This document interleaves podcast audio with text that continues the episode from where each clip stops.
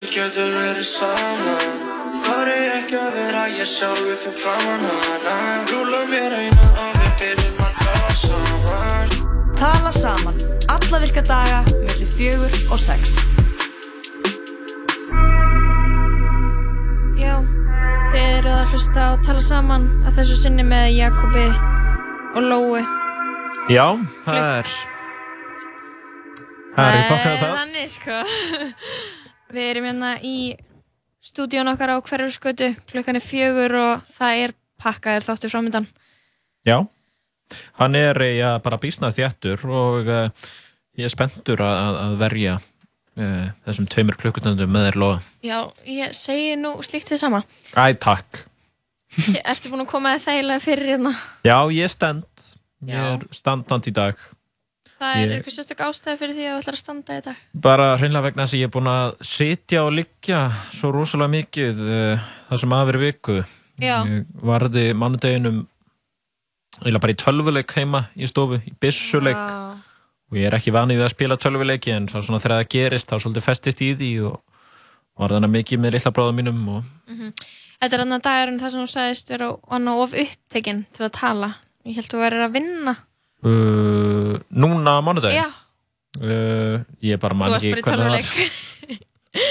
örglega, Jakob- sem var ég nú eitthvað að stúsast líka en ég var nú eiginlega bara heima á mér. Já, ég skilji. En þannig að, ok, talandi um þáttin í dag, þá er hann Hrafn Jónsson, hann er á leiðinni til okkar, hann er kvikmyndageramaður, hann er pislahöfundur, hann er nýbakaður faðir, hann er væntalega til okkar innan skams, við ætlum að ræða bíómyndina The Dawn Wall, hún er á Netflix Já. og ég var eiginlega að mæla með henni, ég var að horfa hann í gær og hún fjallar um klefur garpana Tommy Caldwell og Kevin Jorgensen. Mm og The Dawn Wall það er svona klettaveggur í, í Yosemite sem er í Kaliforníu. Já, þjóðgarður afar vinsæll ferðamaðastæður líka en, en líka klefur mekka bandaríkjana já, og uh, þessi menn sem þessi mynd fjallar um þeir klifru um, já, betur ég ætla að hafa þessi tónlistundir. Þannig að þeir klifruðu þessa leið, hún hefði aldrei verið klifruð áður klifruð hann árið 2015 já. Svona afreks íþróttamenn einmitt. verið voru 19 daga uppi á vegnum að klára. Sofa bara á svona svona, hvað heitir þetta? einhverjum sillum Já, eitthvað. já, ekki svona tjaldsillum sem að þeir toga sjálfur upp.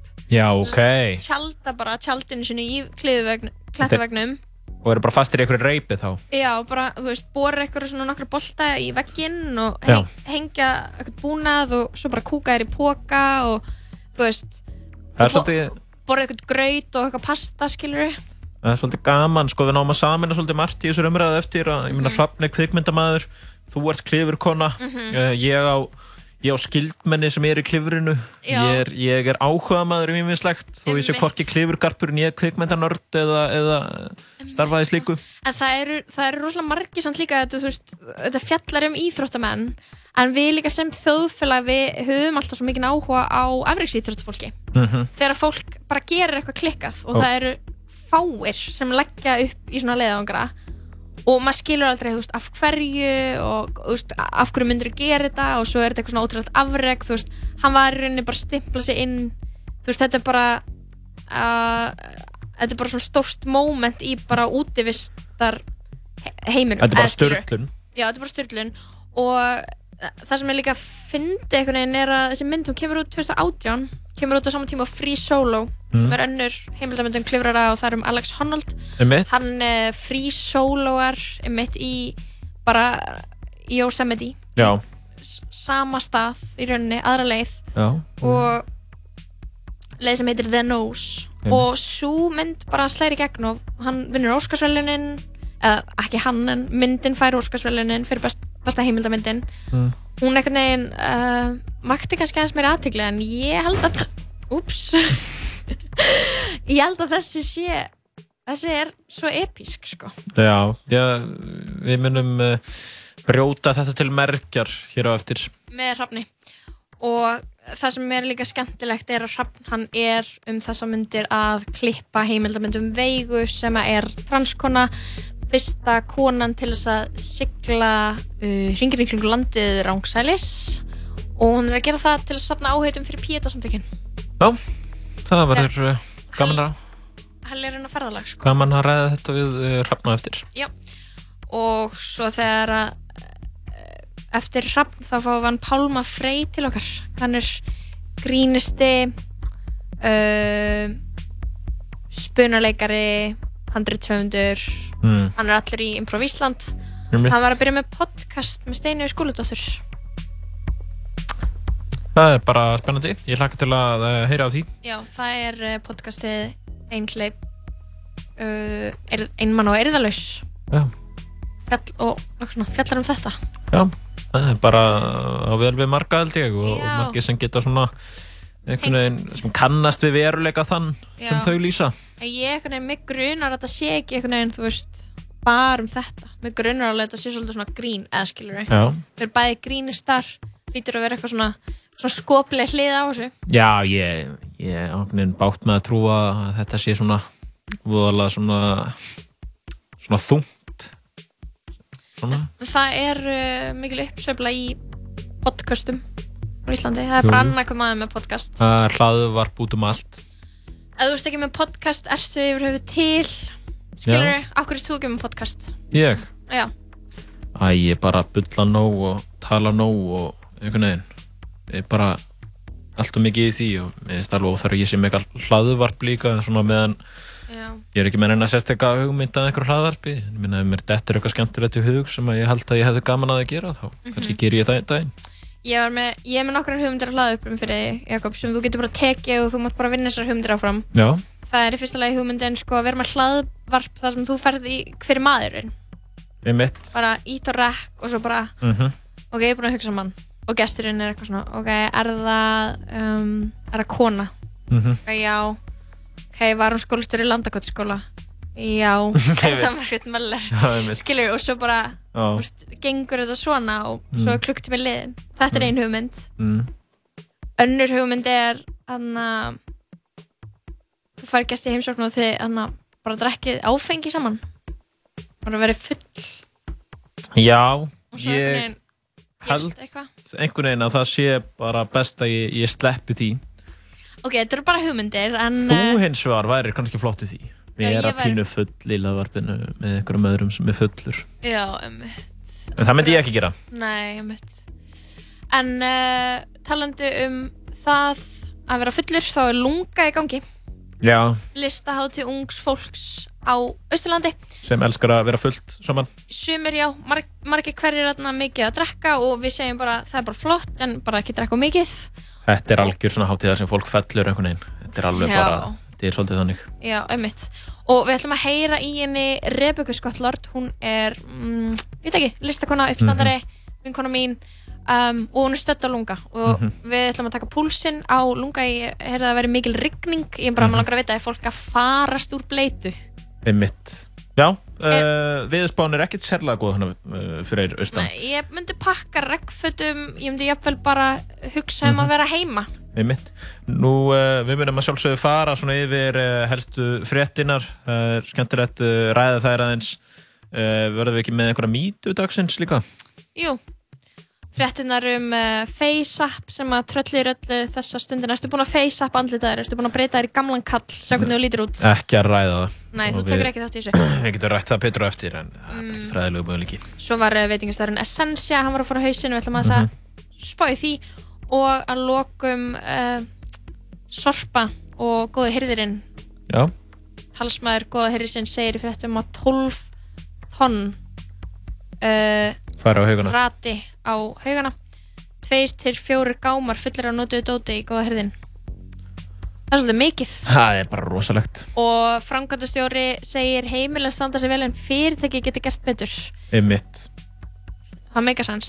Það meikar uh, fullkominn sens. Mm ætlum að byrja þáttinn í dag á, á einu góðu lægi Mm. Fíla það. Erstu til í það? Já, ég er Svo til. ætlum við að bjóða hann Rapp Jónsson kveikmyndagerða mann pislahöfund og, og faðir og kumpána inn í hljóðverið Þetta er lægið uh, Genius of Love með Tom Tom Club Welcome to the clubhouse, everybody. This is the Tom Tom Club. Yeah.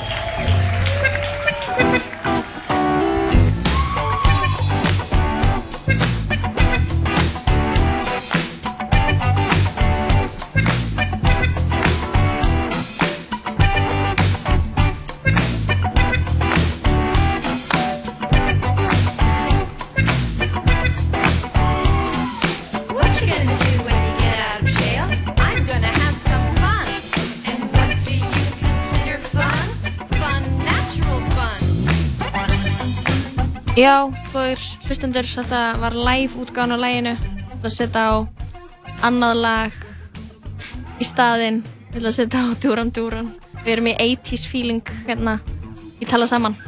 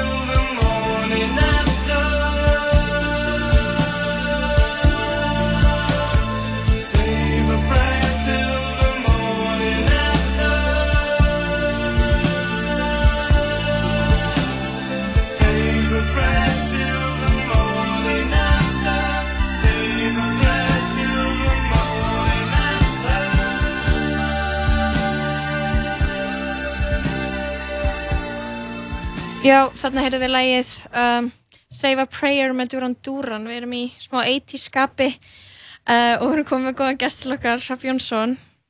Hvað segir þið gott? Segir bara gott, ég er líka fættur á nýjönda áratögnum, þannig að ég tengi sko. Þetta er þitt vibe, svolítið, eða ekki? Jú, Þannig að ertu mikið fyrir svona tónlist? já, ég er eiginlega vandræðilega mikið fyrir svona tónlist, sko. Ég var komið með alveg geggjaðan pappa tónlistasmekk áður en ég var pappi, sko. Já, hvað, na, já, til að hafa ekki með það, nýbakaði faðir, ég mitt sagði það áðan.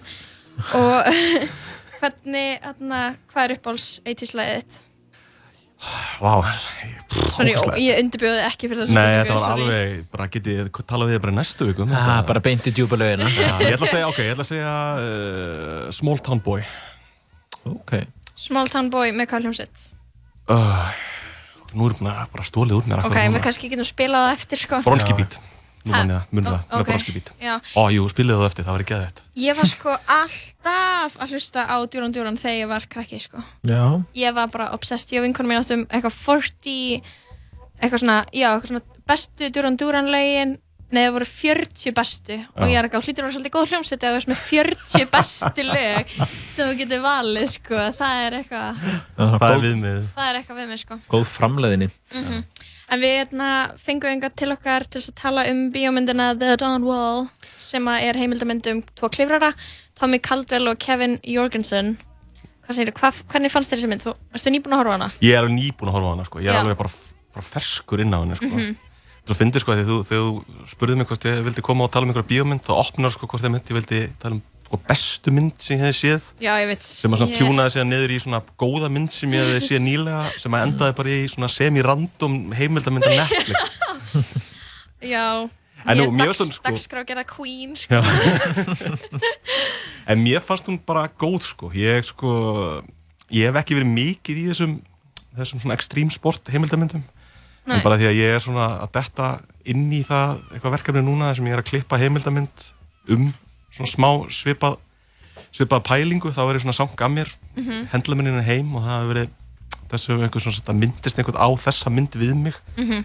bæði þessa og Free Solo sem er svona um um líka um klifur í, í El Capitan Mm að- Horður á Free Solo eða? ekki búin að horfa hann ennþá sko. Nei, ekki heldur. en Tommy, Tommy kemur líka vist fyrir í henni sko, sem einhver svona, einhver svona mentor skortur ekki viðmælandi sko. Já, einmitt. Ég var einmitt að horfa á þessa mynd í gerð og ég byrjaði á hana á miðnætti. já, Það er ekki mynd sem þú átt að horfa á eða þú ert að reyna að sopna. nei Hún keirir upp svona kortisoli í líkamannum. já. Já. Þannig að, Varstu, svona, varstu svona stressið, varstu alveg bara já, ég vildi bara svo mikið að hann myndi ná klifrinu, Ég sko. veit það. Þetta var hérna, þetta er mómenti í bíómyndina sem að eitt gaurinn sem að er heiti Kevin. Tommy er sérst búinn að komast yfir erfiðasta hjallan á klifuleiðinni og Kevin er að reyna að fylgja hann eftir og, Einmitt. og gengur rosalega illa. Það Fannst það til sko. með honum? ég sína þetta er svo gott montast ég sína þess að uh, svona aftur og aftur og aftur hvernig er mistek sko. Mhm. svona, þetta er svona gott svona svolítið, svona hetju mynda montasi sko. Mhm, svona mhm. sína öll mistökin og hvað þetta gangi í gegnum og flögnuðu puttana og Mhm. En já, ég- svona, ef kannski svona í grunninn bara, sko, myndin er um þess að tvo klifrara sem, að, sem er að reyna að fara upp ákveðna leið á El Capitan steininum í Yosemite í Bandaríkjunum sem enginn hefur farið upp áður. Mhm. Og það sem að mjög veist, svona, þessi mynd gera betur heldur en margar svona uh, af þessum svona extreme sportsmyndum sem ég séð þær eiga svona til að verða svolítið svona svolítið bara svona visual, svona sjónklám sko, Mhm, það er sérstaklega við svona margar þessum snjóbrættamöndum Mhm. að það er ekki um neitt, það eru bara um einhvern veginn einhverja gæja að gera einhverja cool hluti sko. Mm, þetta er svona, svona cool hluta porn. Já, Eða, má segja það? já. Já, eða þú veist, er það ekki svolítið þannig? Jú, og með þessi svona, það sem við gera svo vel í svona byrjunum af þessari mynd er að, er að byggja svolítið upp svona, svona Tommy sem karakter sko, allt sem Já. hann hefur þurft að gangi gegnum og Sem er hella. fullt að helluðu stöfi sko. Við ekki alveg spoila, hún kom út árið 2018 sem bíómynd og þetta er allt, við, þetta er allt svo sannir hluti sem þú getur googlað, það má Já. alveg segja smá. Já, mér finnst það svona, ég var að velta þessu fyrir mann, hvað er svona spoiler levelið á heimildamyndu, sko, því að þetta er raunveruleikar, sko. Getur maður að spoila raunveruleikar? Ég- En það er svona ég smá, veit ég meina, það má segja allavega, þú veist, að, þú veist, þetta er gæði sem að uh, byrja svolítið vel, sko, byrja svona mynd á, þú veist, að hann hefði verið svona algjörlega rindil, sko, byrja ekki að skrýða þegar hann var bara tveggjára og, Já, svolítið eftir á í skóla. Já, og svolítið svona einmitt, svona, og, svona, og segja hann eitthvað svona pappa sem er eitthvað svona, svona ofurhetja, sko, Mhm. eitthvað svona vakstarætta gæði, sko, Mhm. og hann eitthvað svona, nei, nú þurfum við að herða strákin og hendur honum í að klifra, sko. Mhm. Þannig byrjum strax bara frá því að hann fæðist, þá er hann svona, þá byrjar hann í mínu, sko. Mhm. Þannig að maður byrjar svolítið að halda með honum strax, sko. En fáið þið svona tilfinningu að það sé verið að íkja íkja hlutina? Ég veit ekki, auðvitað, það er náttúrulega, mm. ég Meinum við bara til þess að búa til einhvern veginn narratífinu og gera þetta spennandi? Já, ég bara svona veltið fyrir mér sko. Já, auðvitað, ég held að það sé Já. allar heimildamindir, sko. Já. Þetta er náttúrulega fyrst og fremst, maður er aldrei að taka heimildamindur sem sannleik, sko. Nei, er bara bíó, sko. Einmitt.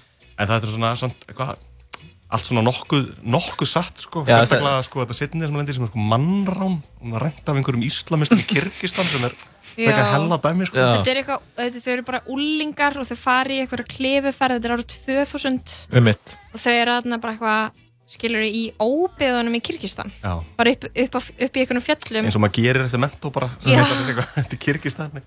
Svona, Kyrkistan með bestu.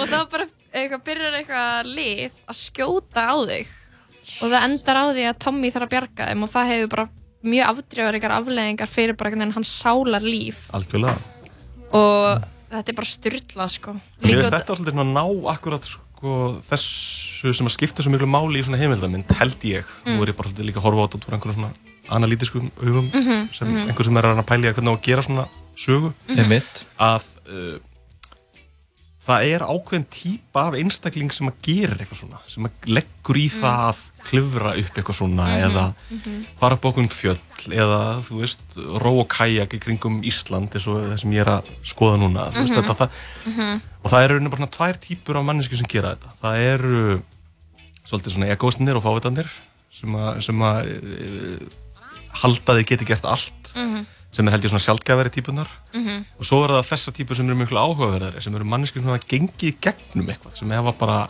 Mhm. sem hafa annarkvæmt upplifað eitthvað tráma eða upplifað einhvers konar rosaleg skipti í lífinu eða Mhm. einhvern veginn svona já, eitthvað sem hefur mótað þá bara alveg frá þau frá æsku og, og þau einhvern veginn hafa þennan svona obsessífa tendans að geta held sér í þetta Mhm. eins og Tommy Caldwell, það er sagt bara hann byrjaði fyrst að pæla í þessu bara eitthvað 2009 Mhm. hann eitti þannig sér bara einhverjum sjö árum að gera ekkert um að undirbúa það að klifra þennan eina vegg sko.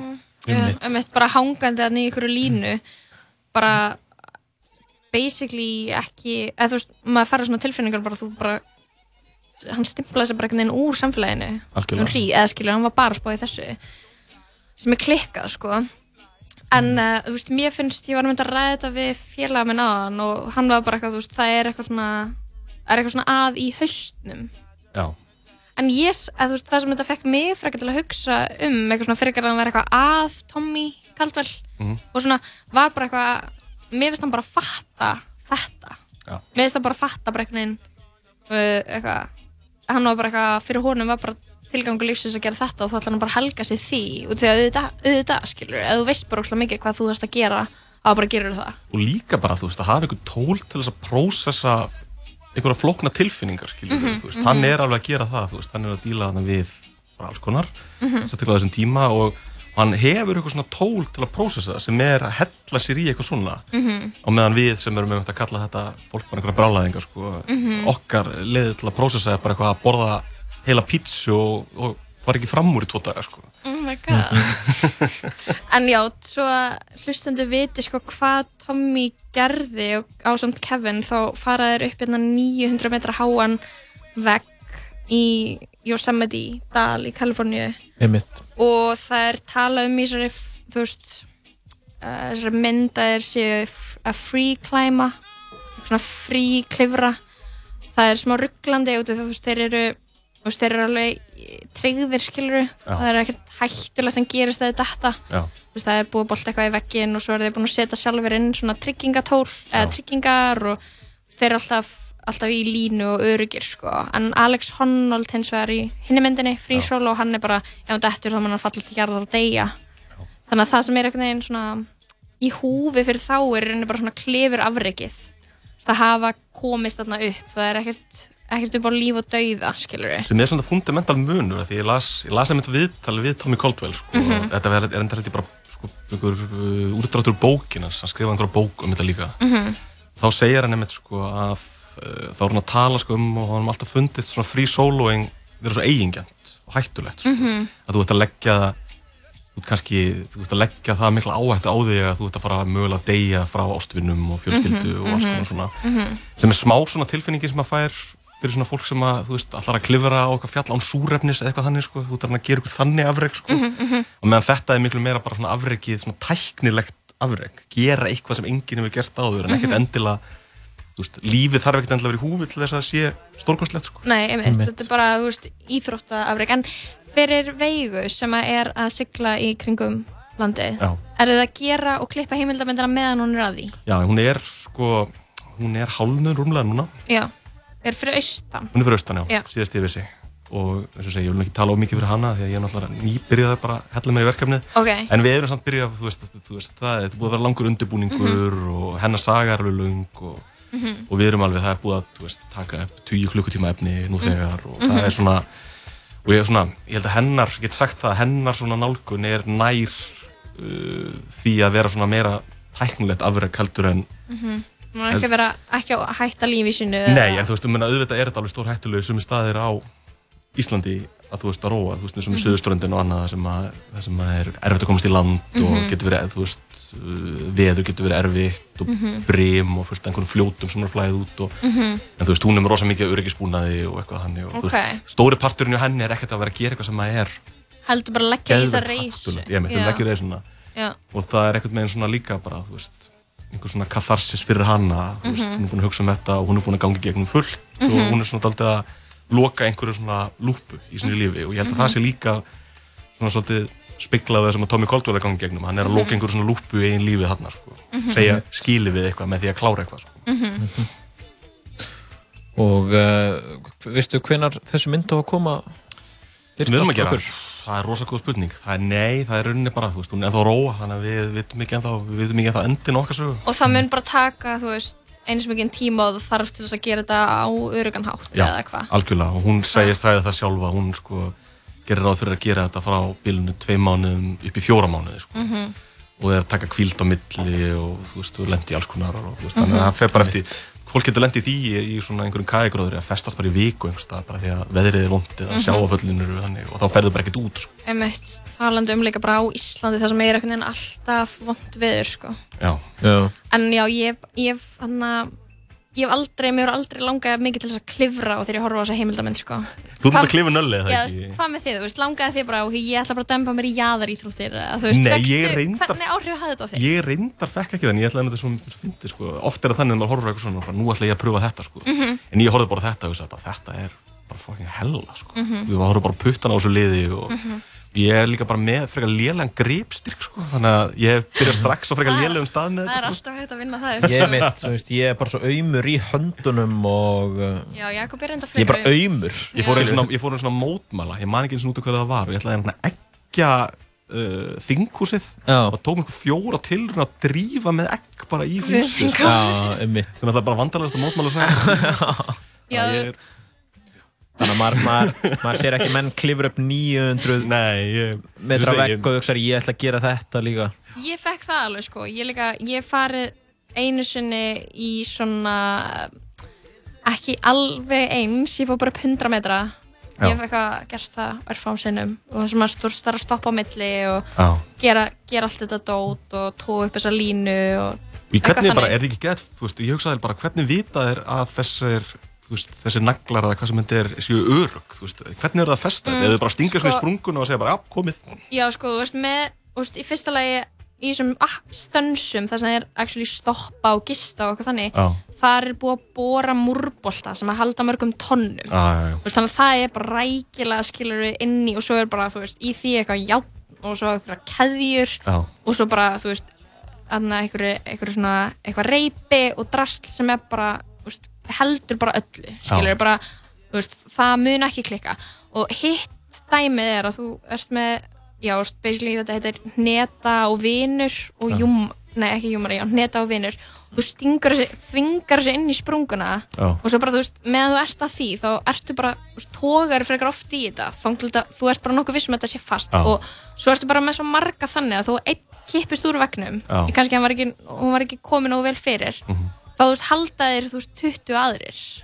Þannig að þú veist, það, þú veist, þetta er bara svona þú getur alveg tekið frekar hátt fall eins og vini mínir sem er að klifra hérna í Íslandi sem að er að gera svona, þetta heitir Dota klifur á íslensku. Já, þú veist, þeir detta stundum alveg bara ógæðslega hátt, verðst bara með hjálm. Já, já, já. og þú veist að það ætti að vera lægi með þig. Algengasta svona dánarósikinn í klifri er þegar fólk er að síga. Já. Og það bindur ekki hnúta endan á línunum sinni Já. og sígur út úr línunni Já, missi bara línunu bara. Já, það bara er að, er að síga Já, bara eins og fólk hefur séð í bíómyndum og björgun og sveita fólk er alltaf að gera þetta og eitthvað mm það bara er ekki hnútur á endanum þannig að þú bara ferð, þú veist, það er ekki það er ekki oft í klifrinu sjálfu sko. Er þú ert ekki að klifra og bara gleymir að gera eitthvað mistök en já, þetta er svona það ætti alveg að vera ágætlega örugt sko, að þú veist hvað þú ert að gera sko. Ég var eiginlega mest spenntur um þetta sko, fyrir þessum svífandi tjöldum sem ég byggu í. Sko. Ég var til, er til að gista í því. Sko. já, búa á okkur svona tjaldsillu kúka í póka bara pasta í öll mál Er þetta ekki eitthvað sem hægt er að selja sem eitthvað svona túristadæmi á Íslandi? Bara eitthvað fram að einhverjum björgum hérna, sko? bara við tjöldum í Látrabjargi Það þyrfti að vera eitthvað smá glamping dæmi samt, þyrfti að geta Einmitt. komist á Netflix og eitthvað, sko? Einmitt. þeir voru á Netflix Já, um mitt. í þessari bíómynd sko. Ég mæli með þessari mynd, hún er það er þetta að horfa á Netflix sko. Já, ég er svona heimildamönda maður sko. Það er svo góð, þú, þetta, þú hefur mitt, þú hefur engan áhuga á umfjöldunefnu, þá eru mitt góðar heimildamöndu þannig að þær eru, það námanni, það geta verið um hvað sem er, sko. Einmitt.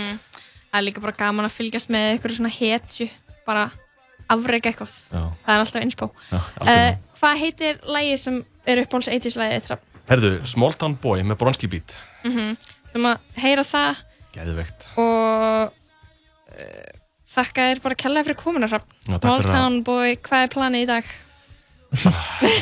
Bara, bara, bara heima að sofa snemma, sko. Já, einmitt Það er, það er alltaf vitulegt ég er ekki að finna þetta lag sko Ó, já, já, þá verður þú bara að spila bara eitthvað annað. Þú dúran, er búin að Pumpa mikið eða mikið upp. Já, Ég, byrju, ertu vissum að það sé með þessar hljómsveit? Small Já. Town Boy Já, já, en uh, Ekki Dustin Lynch. Nei, það verður samt geðveikt, sko. Ég er ekki þetta að með finna eitthvað þetta. dúran, dúran Þetta með Það eitthvað bara dúran, kemur bara með eitthvað annað með dúrandúran. Já, það er náttúrulega geggjuljómsveit sko og uh, Ertu, ertu með top 40 laga diskinn hann inni eða? Já, sko.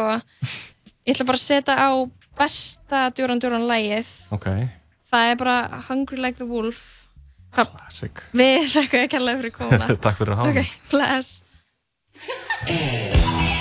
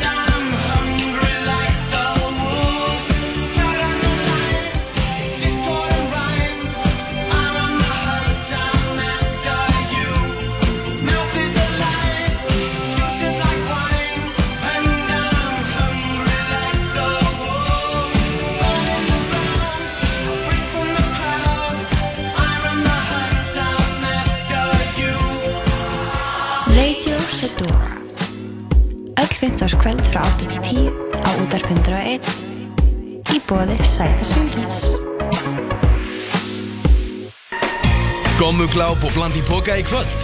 Stöðtvö marathón er stútfullt af frábærum þáttaröðum sem þú getur hort á hvar og hvenar sem er.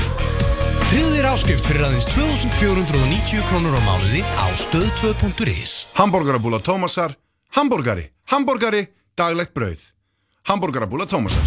Ekki verða batteríslaus. Mundu eftir hleðslu. Hleðsla. 100% hágæða prótendryggur. Landsbankin kynni. Stark chose you. Eftir atbyrði Avengers Endgame þarf Spider-Man að stígu. Are you going to step up or not? Til að takast á við nýjar ógnir. I just really miss him. Í heimi sem hefur breyst að eilífu. I don't think Tony would have done what he did if he didn't know that you were going to be here after he was gone. Spider-Man Far From Home. Frum sín 3. júli. Fylgist með okkur á Twitter og Instagram at 101 Live Radio. Já, þeir eru að hlusta á tala saman hérna með Jakobi og Lóu. Klukkan er fjögur, Já. 36. Það erum við svo sannanlega uh, í tala saman. Við erum hér inn í stúdiói að uh, tala í svona hljóðnema Og við erum að tala saman. og því er einhvern veginn varpað inn í einhver tæki og þetta einhvern veginn uh, fer manna á milli og, og, og það eru vantilega þó nokkru að hlusta á okkur núna en það þáttur allra landsmanna. Auðvitað og við vorum að hlusta á Hungry Like the Wolf með Duran Duran. Ég veit ekki alveg af hverju við erum búin að spila tvö Duran Duran lög í þessum þætti en af hverju ekki skilur. Það er bara miðugdagur og Ég meina, þú veist, hvað er þessu. Hvað er fjöndarum eigu að vera að spila, skilur Ég meina, meðist þetta bara uh, Ef, flott. ef, veist, ef ég fengi ráða þá væri það kannski bara chipmunk útgafa af hataralægin í Eurovision Já, þú veist, eitthvað þannig Einmitt. en við vorum að kveðan Hrafn Já. viðkunnulega maður já, alveg yndislegur. hún er Uh, líka vel giftur, hann er með Brynhildi Bolla, hún er mikill meistari, Mhm. mikill aðdándi hennar og hann er nýbakaði faðir en hann er líka kvikmyndagerð maður og þess vegna var hann inn að tala um kvikmyndir við okkur Já, það var líka bara fallegur inn að þetta hafi verið út á siðtal en ekki, ekki sjónvarps. Já, það, við, ég hefði vel viljað taka þetta upp sko, hann Mhm. með flott skegg Mm -hmm. Guður með skegg. gauðra með Um, skegg, mjá en, eins og eh, þú segir alltaf Einmitt, uh, veitingastaðnum SS hvernig segir þetta? Hérna, veitingastaðnum Essentia á hverjaskóti miðbörginu hefur nú verið lokað. Já, en Hákon. Hákon Már Örvarsson uh, verðlunarkokkur rak veitingastaðin uh, sem sérhæði sig í ítalskri matagerð frá opnun hans í ágúst 2016 hefur nú skellt í lás Státaði veitingastæðurinn sem var hannaður af ítalskum hönnuðum af ítalskum eldofni sér lagðri ólífólju og handgerðu pasta Ég sá sko um daginn að einhverju á Twitterinu mínu var búin að panta borð og fá staðfestingu í SMS-i Mm. um bara eitthvað að þú veist borðið væri til fyrir þau og eitthvað og svo Mm. bara mættu þau á þeim tíma sem við vorum með bóka borð og það var bara lokað og svo bara er hún lokað lokað núna það var bara í senstu viku. Einmitt. og ég verð bara að segja, ég veit ekki veist ég hef aldrei farið á Essentia, skilur en þetta kemur ekkert á óvart að þegar þú opnar veitingastæði í Reykjavík og þú eðir ógeðslega miklum peningi að gera hann gæðveikt flottan mm að þetta fara á Þessi- það þarf að fara að ræða þetta business model við fólki veitingarekstri á Íslandi. Já,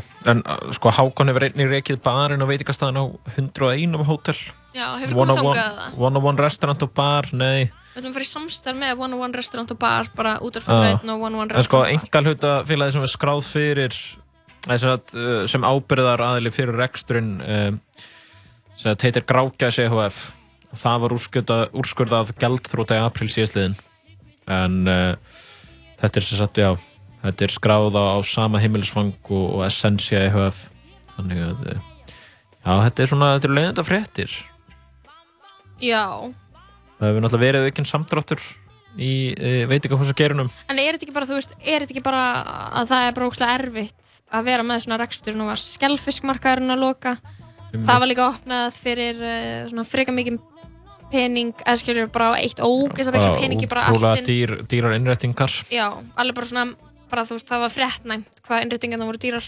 Við mitt Oddsson hostel, það var líka Mhm. bara búið að rosalega miklum pening í einhver ítölsk kannunar húsgagn sem Einmitt. voru bara svona sér innflutt til landsins og sér smiðar bar og hleyfti einhverju þjóðverður þetta og ríf, vera að rífa allt út sko. já, þetta, þú veist, ég bara ég skil ekki að þetta sé ennþá gert með Nei. við á hvað stað við erum komin í umræðu um rust Já, og þú veist sko líka bara vinnan og orkan sem fer í að gera þetta þú veist, þú ert ekki þú opnar eitthvað svona og Mm. rýfur allt út skilur, það er það fyrst sem þú gerir. Það Já. ert ekki bara virðingu fyrir allir orkun og vinnunum sem fer í það.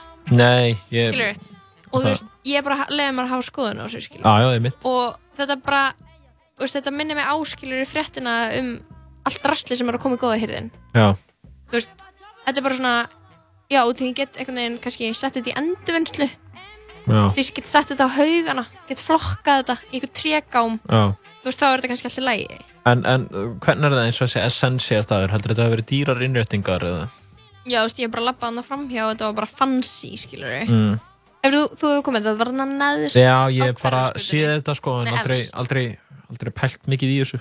Nei, ég þekki líka engan sem borðaði þarna, sko Nei, nei, voru þetta ekki mest bara kannski svona Útlendingar, eða túristar, Já, meina ég. eða bara eldra fólk sem var meira milli handana já, Kannski ekki fólk á okkar aldrei mikið Nei, ég veit um eina stelpu sem var búið að deyta þarna. Og ég var bara ég held, Eina stelpu sem var búið á deitana já. Og deitið farið eins og veitingastæðurinn eða? Það fór bara á hausinn. Já. þau bara, sambandi endist ekki neitt, sko. Ekki, Nei, en þau voru eitthvað saman eða? Nei, það voru að hittast í eitthvað kannski nokkra vikur. Mm. það var alltaf bjóðin á okkur fína staði. Já, er það ekki bara flott? Jú, Já, er það skrítið eða, hvað- þú veist, hvernig er hvernig finnst þér að svona í að atvikast, veist, hvað finnst þér um svona date, stefnumót, hvernig finnst þér þetta eigi að vera? já, ég var að tala um þetta um daginn við kunninga minn. Já. bara eitthvað svona, herru veist, það er, það er of svona, það er of stutt á milli sko, þess bara heitast eitthvað það sem vinir og síðan Mm. date. Og þetta date til dæmis í bandaríkanum Já, eru bara, ég býð þér mat bara kvöldverð á veitingahúsi. Og það er kannski það er alveg, alveg hægt að finna ódýrar staði í bandaríkanum heldur en Íslandi og þarfst ekki að eyða tugum þúsunda til að borða. Já, já, en, en mér finnst samt sko, þú veist þú tíða núna Íslandi kannski hefur ekki verið svona sérstök date menning eins og er í mörgum öðru löndum. Mm. Þú veist, er þetta eitthvað sem við, þú veist ég held bara ef að ef að fólk vill einhvern veginn, ef þú er að taka skrefið þá bara veist, bara starta því bara sjálfur skilur, bara, bara feta þína eigin leið þó að það sé normið að fara í bíó eða fara heim saman af jamminu að það geti flokkast sem date ok, bíó er date. Já, bíó er fínt date skilur Það er líka ekkert svo, svo sem skríti í þessum öfnum, þetta er mæntilega frekar persónubundið já, en mér finnst Það er ekki menning fyrir neinu sérstökunni, maður bara gerir ekki neitt sko.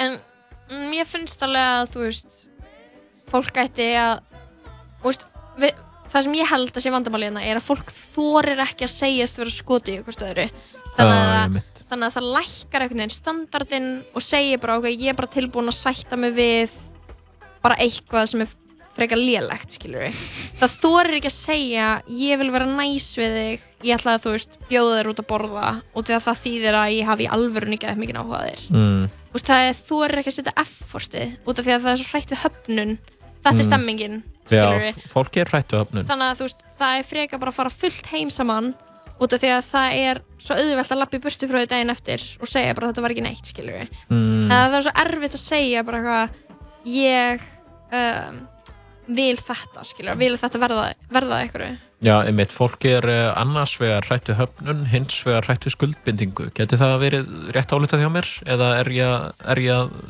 fabulera núna? Ég veit það ekki, ég held að þetta sé eitthvað svona sko Nei. Þú veist, það er bara, segðu bara eitthvað ef þú ert skotin í einhverjum bara, heyrðu, það panta borð fyrir okkur hérna á einhverjum stað Ég ætla að panta borð fyrr. bara, ok, ef við fara að date, ok, þetta er bara leikum bara samtalið Ok, heyrðu, ég væri rosalega til að bjóða þér á date já, þakkaði fyrir það. og þá myndið þú vera eitthvað svona, já er það þú veist, bíó eða sund eða fá okkur eitt bjór Ó, er það? Á date? Hvað langar þig að gera?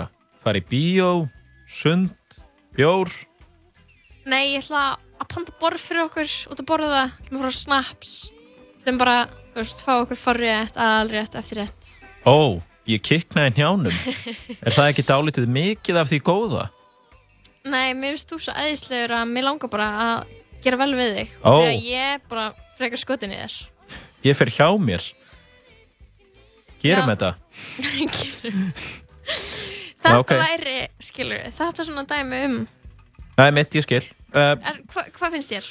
Erstu með take? um, Þú veist ég, Nei, ég er eiginlega ekkert með neitt sérst að teika þessu Mér finnst Mm. það bara Já, ég er eiginlega alveg samanlegaður Mér finnst að fólk Ok. eigi bara að gera það sem að þetta er í huga að gera sko.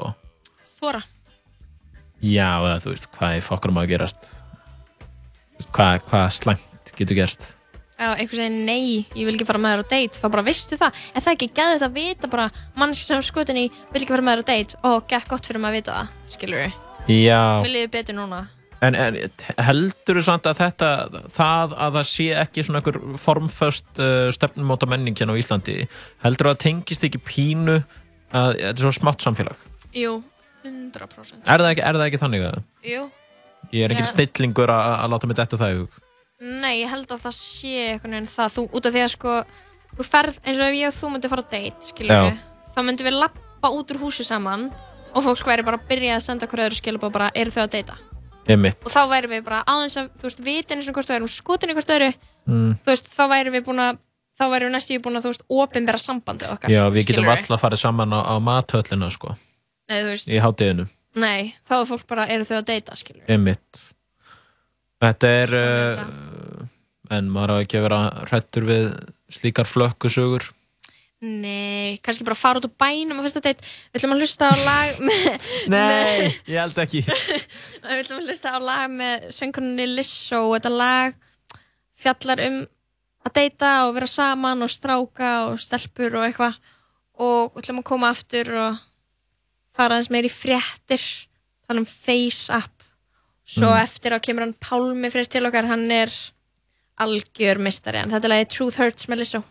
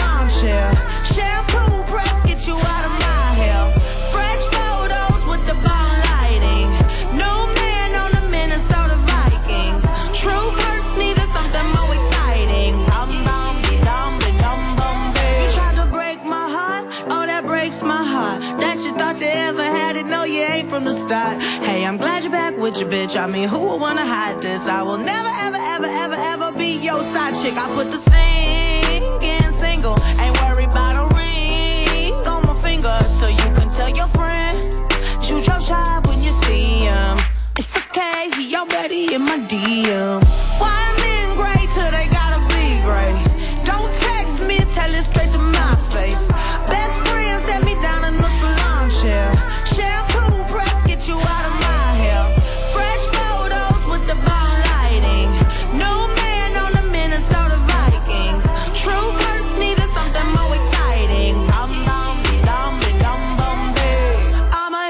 Hit you back in minute. I don't play tag, bitch, I've been it. We don't fuck with lies. We don't do goodbyes. We just keep it pushing like aye aye aye. I'ma hit you back in a minute. I don't play tag, bitch, I've been it. We don't fuck with lies. We don't do goodbyes. We just keep it pushing like aye aye aye.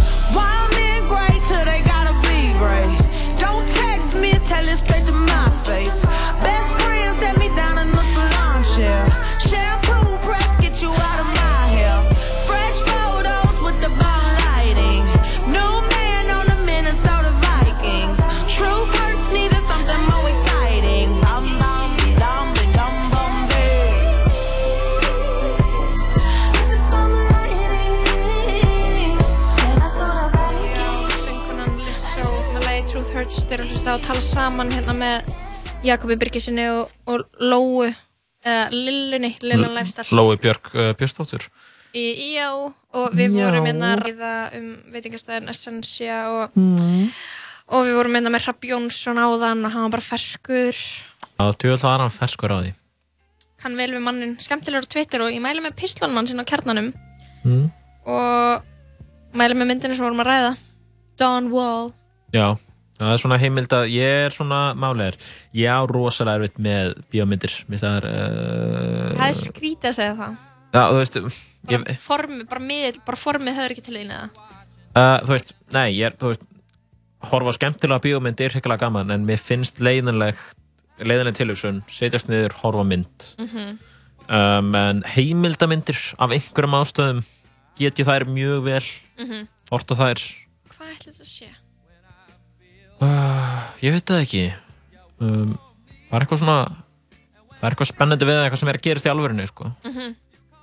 Veistu hvað ég meina? Og mér finnst, mér finnst bíómyndir oft þurfa að vera frekar uh, raunsæjar eða Mhm. eitthvað svona sem að ég ímyndi mér að geti gerst eða eitthvað sem bara er raunverulegt Já, um, sem er pínu leðilegt sko, finnst mér það er ekki til að þetta inn í uh, ímyndaða heiminn þannig að ég er ekkert eitthvað lokaður fyrir því en ég bara hef aldrei notið þess. Það Uh, er sko mjög hella á þess að segja þetta Jakob. Já, þú veist ég- bara, þú veist að segja og hefur aldrei notið kvikmyndar. Jú, jú, þú ert að segja ímyndaða heiminn. Ég hef hort á kvikmyndir sem eru uh, kannski byggðar sögulegar Já, sögulegar, þú veist, þær fjalla kannski um uh, heimstyraldir eða eitthvað, ég veit það ekki.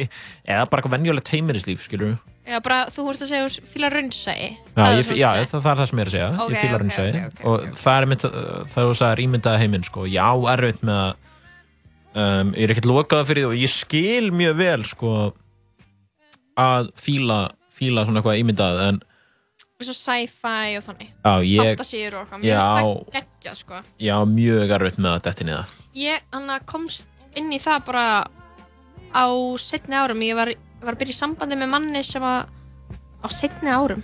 Bara nýlega. Bara þegar þú varst 36 ára. Þá, þá varst 36 að detti niða Nei, þú veist, ég bara fatt að ég var alltaf að láta kærasta minn horfa á romcoms.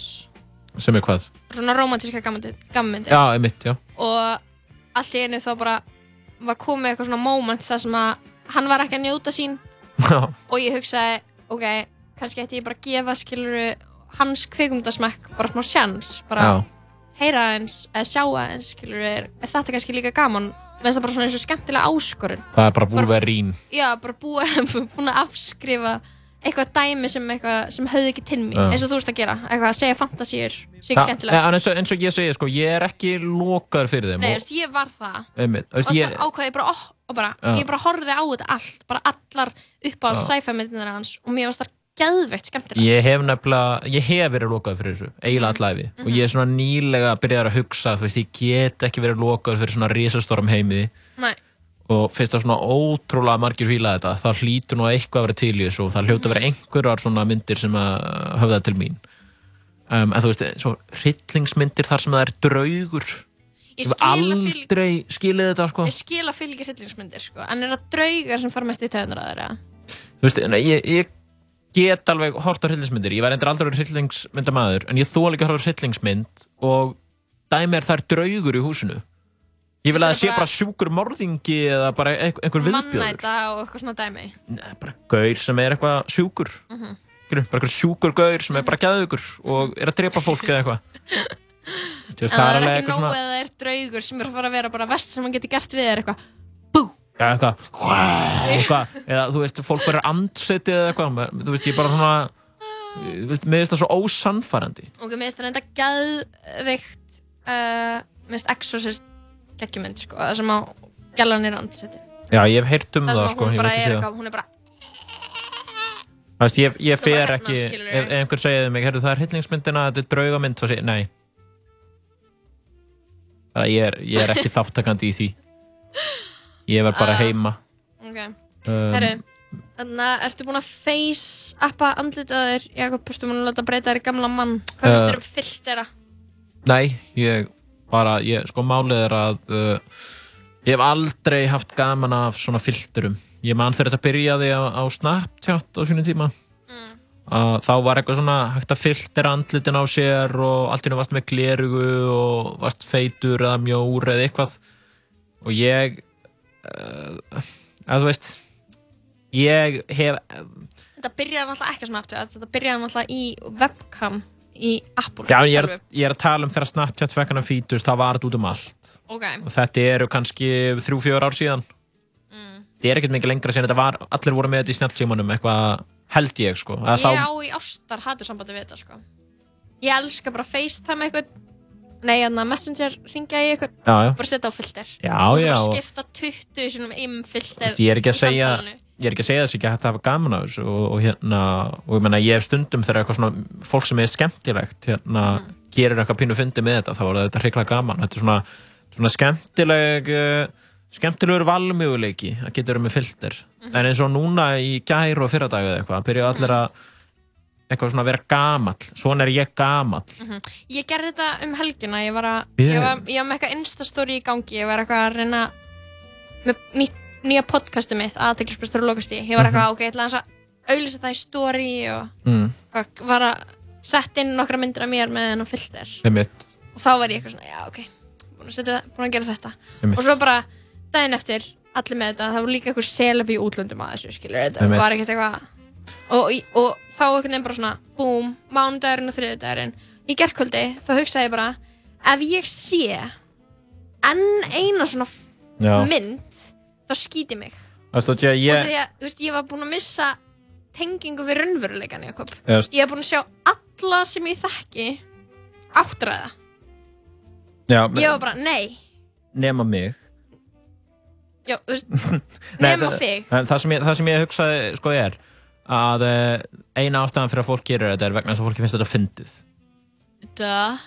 það er enginn eitthvað mm, get ákveð, svona minn ég líti út svona það er fólk er ákveð miklir egoistar við elskum að horfa andlita okkur og eitthvað svona vera eitthvað Uh, ég er gömul, já, svona verð ég gömul. Eh, Skilur, þú veist, ég- auðvita Það. Na- þetta er ekki bara fyndið, sko.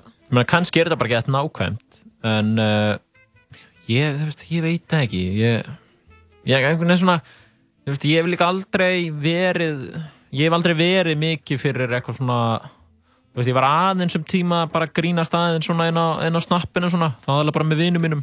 Ég meina, mér finnst, ég hef enga sérstak ána af því að grínast í svona snjallmiðlum, sko, eitthvað vídeo eða eitthvað hannig og uh, hvað þá að posta myndum af þessi gammal maður, sko. Þú veist, ég Sko, bara En það eru En basically tíma- allir aðrir í heiminum að elska þetta Jakob út af þetta FaceApp þetta er núna vinsalasta appið á Android já, og þarna, iPhone.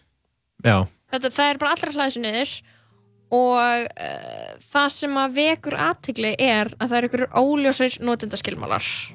Skilur við notendaskilmálarnir í þessu appi þeir var, sem varða friðelgi engalífsins og meðfra persónuupplýsingum séu afar óljósir já. Og forritið safni upplýsingum um staðsetningu notenda auk upplýsinga úr vefvöfrum þeirra meðal annars upplýsingar um þær vefsíður sem notendur heimsækja. Þannig að já ok, er þetta eitthvað app sem er bara veist, enn eitt svona safna upplýsingum um okkur appið skilur og svo selja þér eða eitthvað? Nei, ég meina, er ekki flest svona upp þannig? jú, veist, já, en svo, svo líka ég las þessa grein um FaceApp Mm. og ég hugsaði bara ok, veist, þetta er svona samsælskenninga dæmi Já, og þú byrjar að halda skilur að allir einhvern veginn séu out to get you skilur að bara ekkert séu örugt á netinu og eitthvað. Ég held sko að þú ætlar ekki að leifa nefnum að safna upplýsingum um þig. Þá þarfstu bara að brenna tölvuna þína skilur og flytja út í sveit. Við erum bara komið þangað. Ég mér liði bara svona eins og við séum bara komin handan þess að geta einhvern veginn stöðu það skilur Já, þú veist, með, ég hugsa alveg út í þetta en Já. ég veit að veist, það er fyrirtæki, það er ákveðin fyrirtæki sem er með allt um mig Mm. ég meina, það er Instagram og Facebook, það er náttúrulega nokkuð veginn sama fyrirtæki uh, Snapchat, Twitter þetta er svona dæmi um fyrirtæki sem eru með allt um mig, sko Mhm. mér finnst það alveg óþarf að vera eitthvað að bæti í, sko Mhm. en að, þú veist, ég, ég, ég er bara voru lítið í einhverjum öppum og drasli, sko ég, en ég menna það er samt nóg að vera þar Þa, þú veist þú þarf bara að vera með appið það er bara staðsetning Já, veit já, bara ég- hvar þú ert skilur Ég er að segja að það er bara nóg að downloada ykkur appi og opna það sko en, en uh, það er svona þó, ég veit, ég veit eiginlega ekkert ég veit ekki maður á að finnast um þetta. Eitthvað fyrirtæki með allar upplýsingar um mig. Ég meina það er bara svona common sense að þú downloadar appi auðvitað eru þeir að fara að reyna að fá allar upplýsingar sem þeir getum um þig. Mhm. Þetta er samt, þetta er líka, þetta er svona hlutir sem ég spáði ekki í, þú veist, í heita leiksins, skilur Það er klukk, þú veist, bara klukkan tvö á sunnudegi þegar ég sé eitthvað grínista með hennar filter og ég er ekki, "Jæja, ok, hann er að gera þetta á, á FaceApp, ég ætla að hafa með FaceApp. Þá fer ég ekki að hugsa bara, nei. þetta er eitthvað forrit sem getur gert þetta, bara, við erum basically komið með eitthvað myndabanka, bara öllum andlitum í heimi, Já, já. og er síðan eitthvað að safna upplýsingum. ég, Ég veist, ég var bara ekki þar, skilur við. Maður er bara eitthvað að reyna að hafa gaman. ég bara skil það mjög vel Mhm. maður er í hvers, hverstæginu og maður er bara, já, heyrðu, ég var alveg til að sjá hvernig ég veri gamall Mhm. postaði á netið Mhm. og fá nokkur replies svona, ég, fækst ekki nokkur svona Nei, Nei, sko engum fannst ég eitthvað fyndin en, veist, ég sá bara það sem fólki finnst spennandi við þetta er að geta gert þetta við sitt. Já. Það, miklu, það er miklu meira interesting heldur en að sjá einhvern annan. Eða það ekki? jú, veist, mér er alveg sama. En þú, væri alveg til að sjá hrukkóttan Jakob, skilur. Já, Eins örugglega. og ég vil sjá hrukkóttan mig. Örgulega pínu, já. Ég held samt að ég líti ekkert svona út eða veist, mun ekkert líta svona út sko. Ég mun fara í einhverja lítagerðir og eitthvað svona. Já, ég áhyggjur af því hvernig ég verð gamall, sko. Þú verður bara fín. Herru Hlustum á lag áður en að við höldum áfram í tala saman. Hlustum að hlusta á eitthvað skemmtilegt með henni Cardi B hún, hún er skemmtilega Jakob mm, Já, til að ég press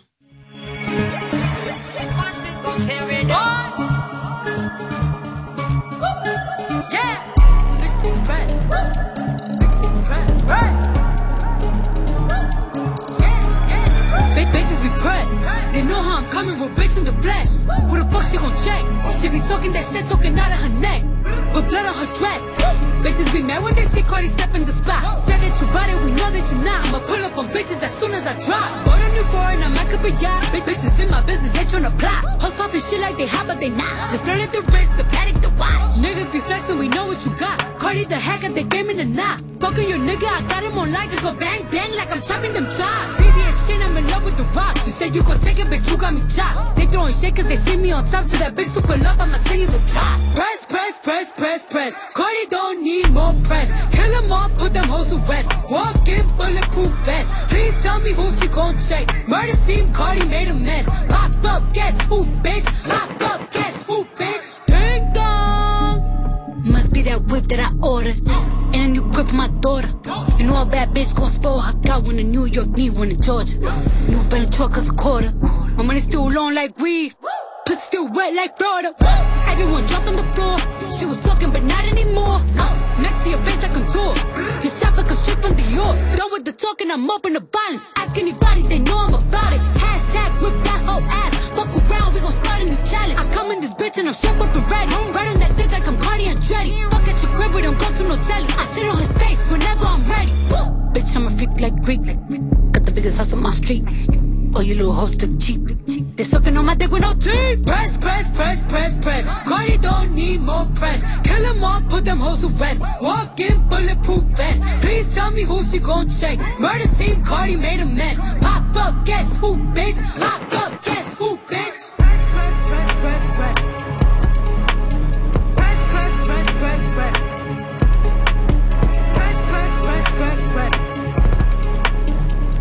up, guess who, bitch? Pop up, guess who, bitch? Já, þetta var lagið uh, Press með Cardi B um, Við ætlum að hlusta því næst á DJ Khaled og Sissu með lagið Just Us áður en að við fáum hann Pálma Frey hingað inn í stúdíóið að tala um nýja podcasti sitt Þetta er Just Us, gerðu svo vel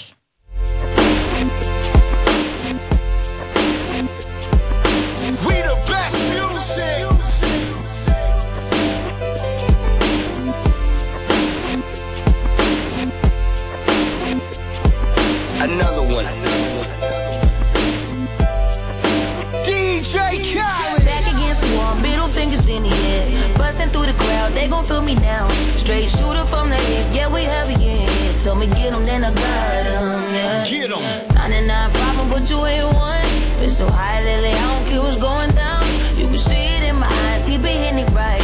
Got me wishing that he wasn't.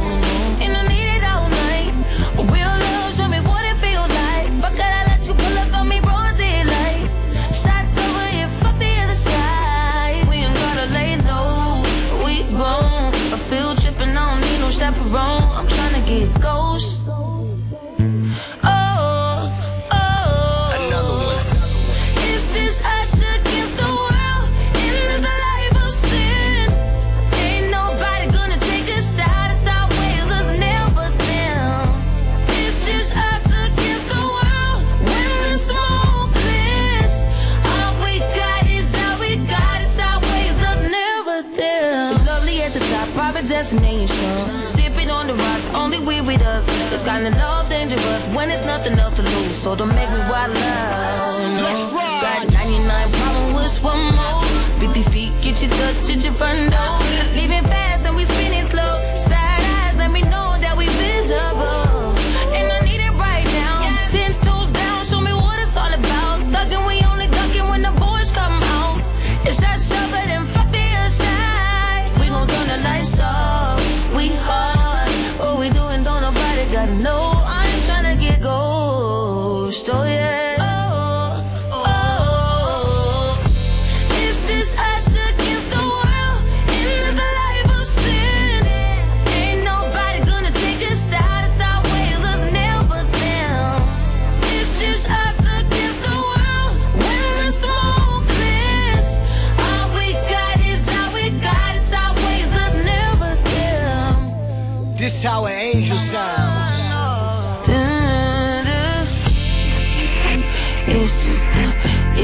us, it's just us.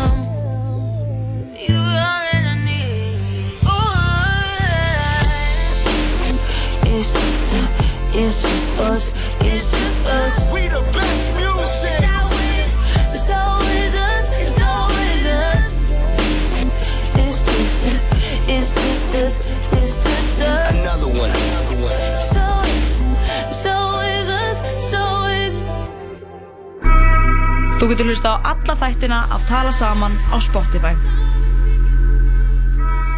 Já, þeir eru að hlusta á tala saman hérna með Jakobi og Lóu og svo er hann komin til okkar, hann Pálmi Freyr Hauksson, Spunarleikari. spunuleik, spunuleikari, uh, meistari, vinur þáttarins, grínisti, Mm. handrita Nú, höfundur hlaðvarp stjórnandi líka. Já, já, já. já. og bara það er, það er nýjustu fréttinar af þér og varst að byrja með hlaðvarp. Uh, já, uh, ég var að að byrja með nýtt hlaðvarp á uh, Storytel. Hvað finnst þér um að maður sé ekki til ef maður er ekki með podcast á Íslandi? Uh, mér finnst, ég væri til í að vera í meira svona nýs dæmi, sko. Þetta er orðið svolítið svona 50% þjóðurinnar er að gera podcast, sko. Já, ég veit, og þetta er líka bara svona Mér finnst þetta að vera eitthvað svona dæmi að þú veist bara já, ok, ertu með podcast Þú veist, Ég, vi, veit ég hvað við, bara, já, þú veist með Ég- podcast En ég dyrka á þess með podcast, Mm. persónulega, sko ég, ég, mér finnst ég ekkert upplegað þetta. Ég er alltaf bara sáttur, sko, ef ég hef eitthvað til að hlusta á. Og Já. Þá getur maður, finnst líka bara gott að það voru næga að velja, en, en segðu okkur aðeins frá þessum, þessum hlaðvarpi sem að þú varst að byrja með. Uh, ég var svolítið að byrja með hlaðvarp uh, sem heitir uh, Einhleip, einmann á Eirðalaus uh, og það er ég og Steini Skúladóttir mm -hmm. Spunuleikari og, og, og þáttarstofnandi og bara legend. Sjónvarpskona.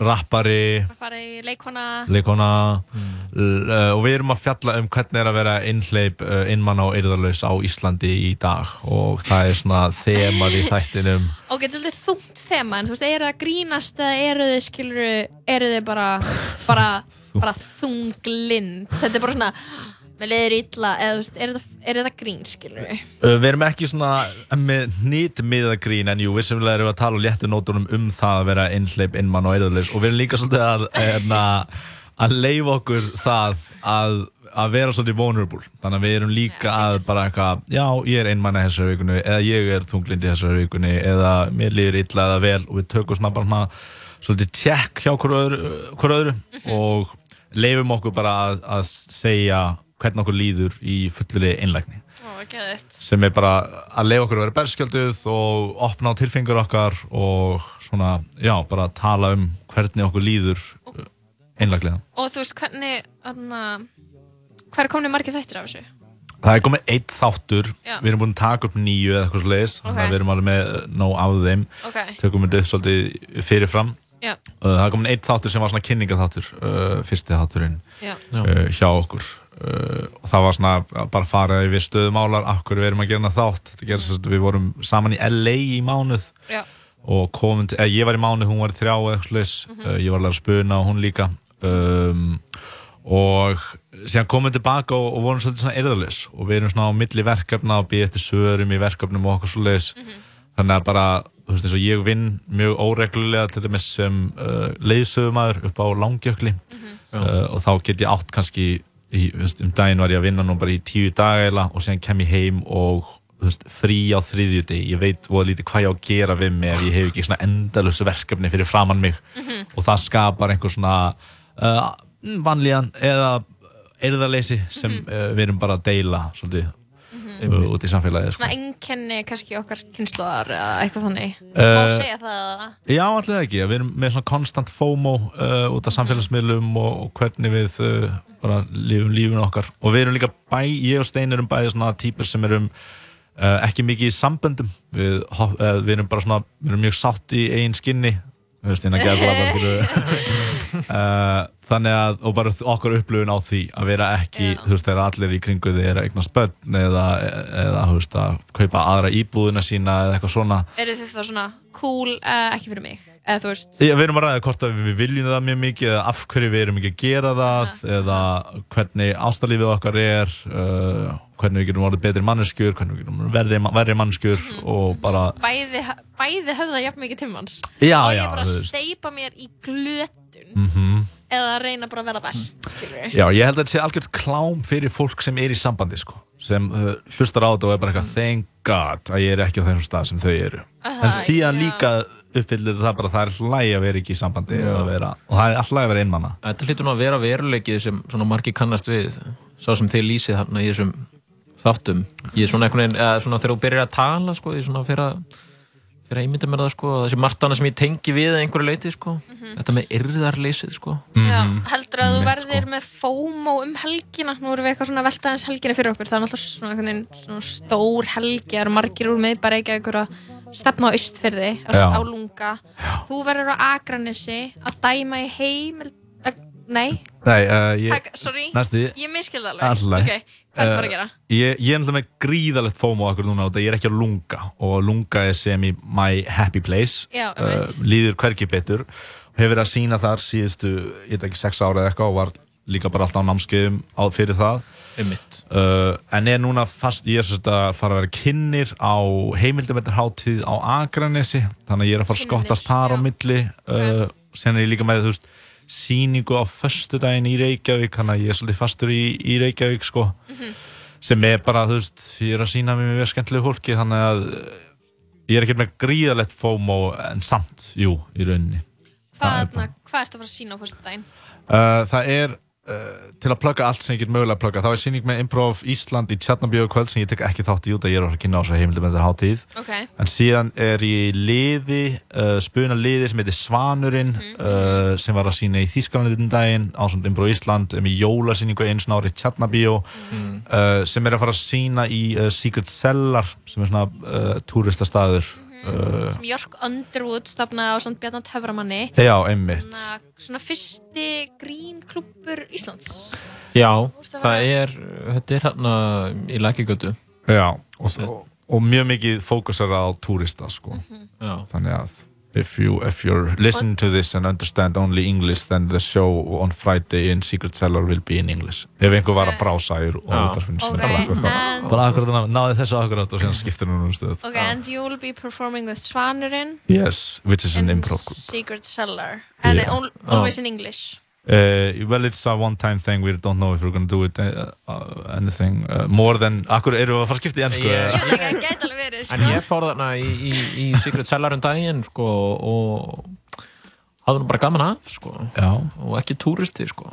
Nei, mitt, það má, það má. Þetta kom mér fyrir ekki að ég sé að grípa Ég fram. er Nei, fyrir allt í Íslandinga lagi. líka sko. Hvað segir? Lóa? Ég sagði þetta er fyrir Íslandinga líka Uh, já, já, já. En finnst magna sko þetta er einmitt, Green klúbur á Íslandi, Will It Work. Uh, ég fór þarna fyrir ári held ég á laugadegi, þá voru við að taka upp eitthvað podcast, það var einhver spunaleikari ennsk breskur sem kom, að, allana, ég var að fara að ráða eitthvað podcast upptökuðar og ég Já, by the way, live podcast Ok, sorry. Já, já, já, held hérna að þetta, bara, eitthvað, þetta er einhver staði sem bara, ég, ég veit ekkert hvað staði þetta er, þetta er eitthvað rugl. Og ég kom hann inn og það var eitthvað uppistand í gangi og það var bara pakkað af túristum sko, af Aha. staði sem ég vissi ekki að það væri, það var bara einhver sena hann í gangi Sem var ég bara alveg undir ratarinn alveg, og þetta var bara af Já, og bara ég bara hefði ekki hugmynd sko.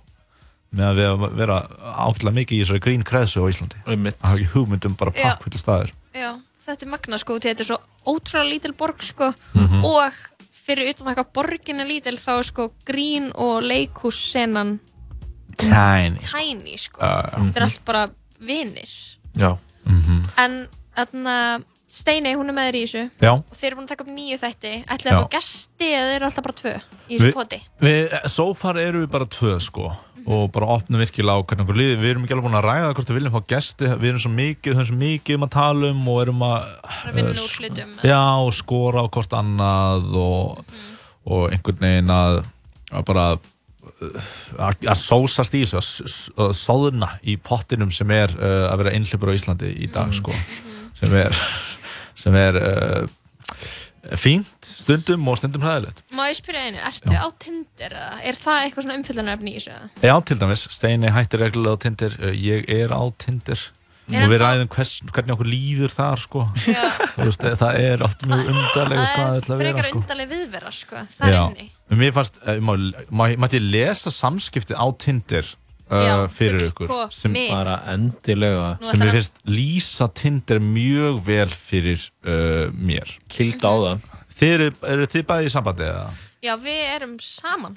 Nei, ég hérna ég er, ég er, ég er einhleipur Ok, ok. Ég er í sambandi sem var að vera þryggjára um daginn Já, já, já Til hamingju með það, Lóa. Ég er í fjarsambandi og um, Já, ok. Ástfangin. Ég er alveg til í strákaðatigli sko. Þannig að hitta aldrei kærasta minn og ef þú vilt henda einhverju svona DM á mig eða finnst ég sæti eða eitthvað þá Einmitt, einmitt, heyrðu, Ég er á þessum stað, ok. Já, já, já Gjörðu svo vel, Hún Pálmi. er búin að unmatcha mig, þannig að ég get ekki lesið samskiptin Er þetta unmatcha fólk? Já, já það er þetta, ef ef þú hættir á Tinder þá ferðu út á þetta sko Já, ok, já, ég hef aldrei verið á þessum Miðli? Nei, á þessu appli. Hví, hví ekki? Ég, það er engin, engin sérstök ástæða, sko. Ég, ég hef raun og verið ekkert, þú veist, ég hef ekkert á móti Tinder En mér finnst þetta stór furðulegt, sko. Mér finnst þetta svona, ég hræðist þetta bara. Þetta er það sko, þetta er, þetta er fáránlegt. Þetta er, þetta er svona, óh, nei, ég get ekki hætt mér út í þetta, sko. Já, já, já, En, ég skil sko. en getur þú svona sko, þetta er nýst mörgum Já, Já, ma margir margir byrja saman. Mörg barn, börn hafði orðið mamma, til. mamma vina míns skildi og, og hérna, byrjaði sinna á Tinder. Já. eignaðist mann. Þau eru gift núna og Einmitt, þetta er sko. mjög fallegt sko. Heyrðu, þetta er geggjað. Nokkri sem fari gegnum nálaraugað Þannig að ég verð samt að fá að vita sko fyrst að þú ert ekki með þú varst að fara að lesa fyrir okkur tindarskilbóðan konan ég... matsaði með þig. Konan, já, já. En Já, Var þetta vélmenni? Nei, nei, nei, Nei, nei, ég er svolítið lendi í því og ég elska það. Pálmi sem sagt elskar að tala við vélmenni á Tinder. Hvað, getur þú sagt okkur svona, sirka hver, hvert er svona sirka innihald þessa spjall fyrst þið langar svona mikið að lesa? Mér finnst það bara mjög lýsandi, það var eitthvað, ég sagði eitthvað, segjum hann heitir uh, Lóa og ég sagði, Lóa, þessi hundur, oh my god, hvað er þetta mikið dúlla, eða eitthvað svona, Ok, segjum hann að þú Þetta er alls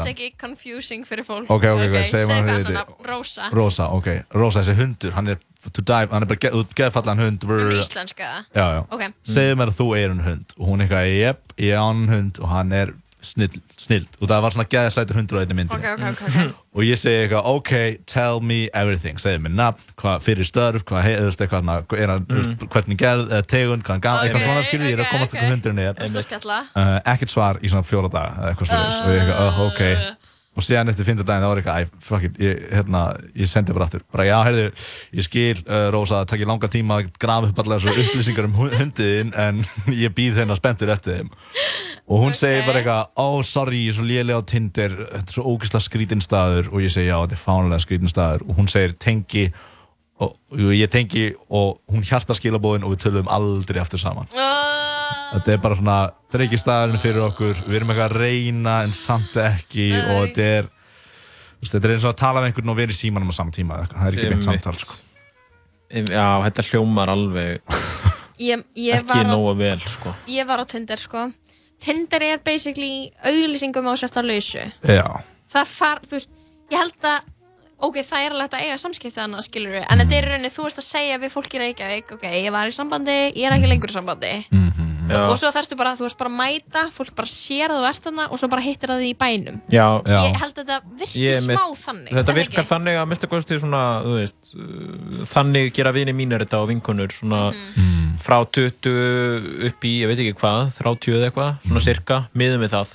Það er svona, þetta er svona aldur sem að er svolítið í bænum og eitthvað og hérna, og þau svona, þau, þetta er svona meira að láta vita, sko. Já, Síðan já. er miðaldra Tinder bara þing, sko. Fólk kynnist þar bara og Spjallar hittist og giftist, sko. Já, Já. Einmitt, það er örugglega jafnvel betra það, sko, og það þar er maður kannski ekki oft í þeim aðstæðum að geta hitt annan aðeila sem er á lausu, eða ég er bara álíkta hvað miðaldra fólk er að gera. Hérna, það er kannski minna við að fara út í bæ eða niður í bæ og vera þar eitthvað sem er eitthvað svona Kynnast ykkur um sameiginlega vini, bara sameiginlega vinir eru giftir, eða skilur Já, það er allir einmitt. bara með börn og fjölskyldur og eitthvað Einmitt, Við við ættum að fá okkur miðaldra í þáttin okkar til að lýsa hvernig það er að vera einhleipur og miðaldra Ég sko. held að sé Ég hef áhuga á með, meðaldra einhleipa fólki sko. Já, einmitt Sem búið að lendi framhjáldi líka ha? Sem búið að lendi framhjáldi sérstaklega Já, já, einmitt, Mér finnst það áhugaverðastu svona. En ég, mér finnst það mitt gett skrítið að vera hann inn á Tinder bara til þess að vera að tala um hvað þetta er glataði staður. Já, þá En þú ertu svolítið too cool for school. Já, Það er eins og að fara að priggi og vera eitthvað, að glata hérna Eða eitthvað svona, farðu þá.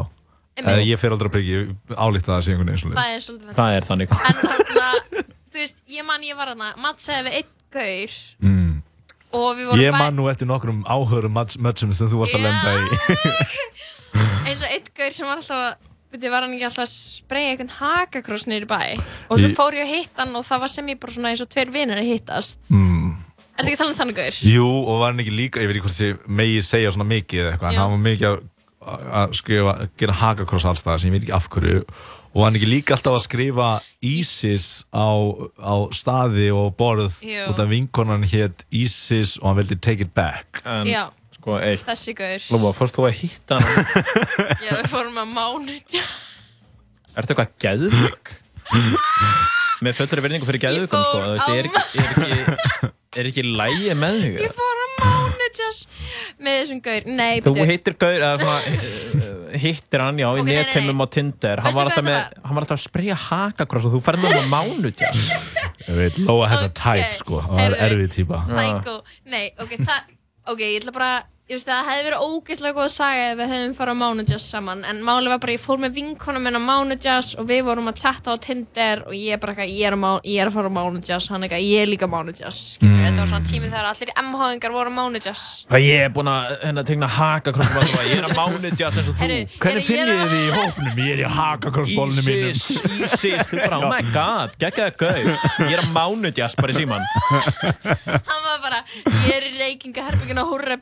bara, er að er er að að spreyja hennar hakakrossin svo kem ég fram e, e, Ertu ekki Eh. bara spennufíkil? Er ekki Tinder fyrir spennufíkla?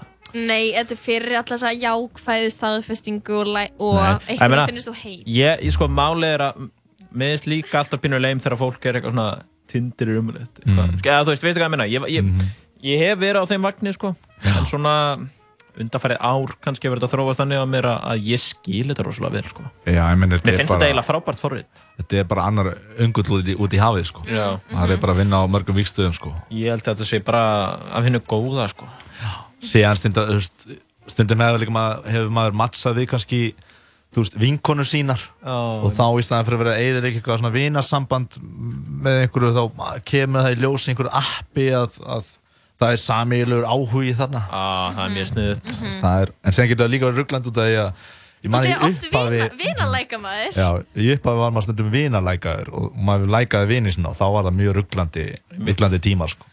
Ég, Já. ég vil ekkert, ekkert með vinkonum mínur hafa inn á svona appi sko. Nei, ja, það er bara flott. Það er, út að læra standing on the shoulders of giants út að læra á sögunni. Það er gott, ég ætla að hérna, svona, reyna að ráðfæra mig við ykkur tvö svolítið mikið núna alveg bara massíft í kannski þrjá mánuði. Mhm. byrja síðan á Tinder. Já, ok, ok. Þá er ég með reynslubankan sko. Og þetta verður til dæmis þú sem þú verður að vita Jakob, það eru konir á Tinder sem eru vélmenni og Pálmi hefur örgulega spjallað við öll vélmennin á svona botti, botti á Tinder. Og hann hefur hittu öll á mánudjás. Fuck, það eru fjóra stelpur að krossa hagakross á vekkinu að reykja. Ert með tattoo? En ég líka sko, lend, ég, hann var eitt vélmenni sem ég þess að fyndi bara gá hvernig gerðvíkunni virkar sko. Og síðan var, ég hef líka lendið svona cam girls sem ég skil ekki nákvæmlega hvernig virkar en það var mjög uh, áhugaverð spjöll sko sem var bara eitthvað svona, hún vildi hittast, ég held að hún vildi hittast til að sofa saman í, í einhverju cam-vídeó eða eitthvað slags Ah. og ég var bara eitthvað ég sem uh, fyrirvendi félagsfæðingur var mjög áhuga samur um bara eitthvað hvernig er þetta líf, skilur, er hún, flu, veist, er hún fljúa allir Íslands og taka nokkuð cam-vídeó og fyrir síðan á gaugin eða hvað, veist. Þannig að mér langar að hitta hana en hún var alltaf ekki, ok, ég til að hitta það en ég vil sem fyrst að við erum heima á mér í, eða eitthvað svona. Já, sem er náttúrulega fálega, skilur en samt mjög áhugaverð þetta er náttúrulega, algjör jarðsprengju völlur, skilur, fyrir einhvern veginn einhleipa. Já, Ef þú veist, og það er svona ein jarðsprengjan er bara cam girls sem Mhm. Vilja að þú klikkir á eitthvað link sem setur vírus í Já, já, já. og svo, þú veist, önnu jarðsprengja er einhvern veginn, þú veist, vinkona þín sem þú ert búin að vera skotin í en hún lítur á sem vin og hún lækar þig og þú lækar hana og þú byrjar að spjalla, hún heldur ennþá þessu vinir, þetta dæmi, sko. og líka bara svona psycho-gauðar sem myndast rosalega vel en, þú veist, eru bara skrýtnir í hegðun. Já.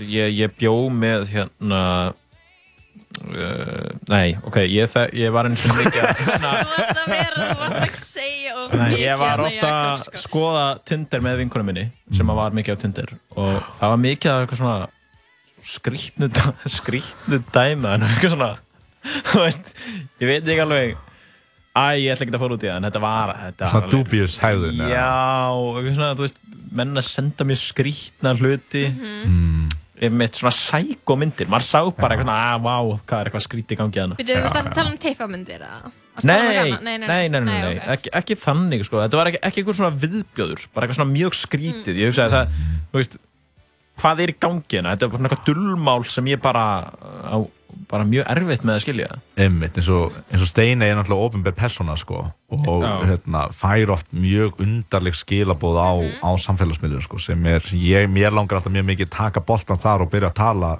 fyrir hennar hönd bara að fá að vita hvað vaki fyrir þeim aðalum sko. Mhm. Já, er þetta þá eitthvað svona ókveikjandi eða ógeðslegt eða... Uh, nei, hel, eða, Er hún fær örglingur hótanur út að, reykja ykkur dætur með eitthvað það er Já, alltaf já. verið eitthvað, ei fuck ykkur eða eitthvað svona. Já, en, en oft er eitthvað svona Sæl og blessuð steini.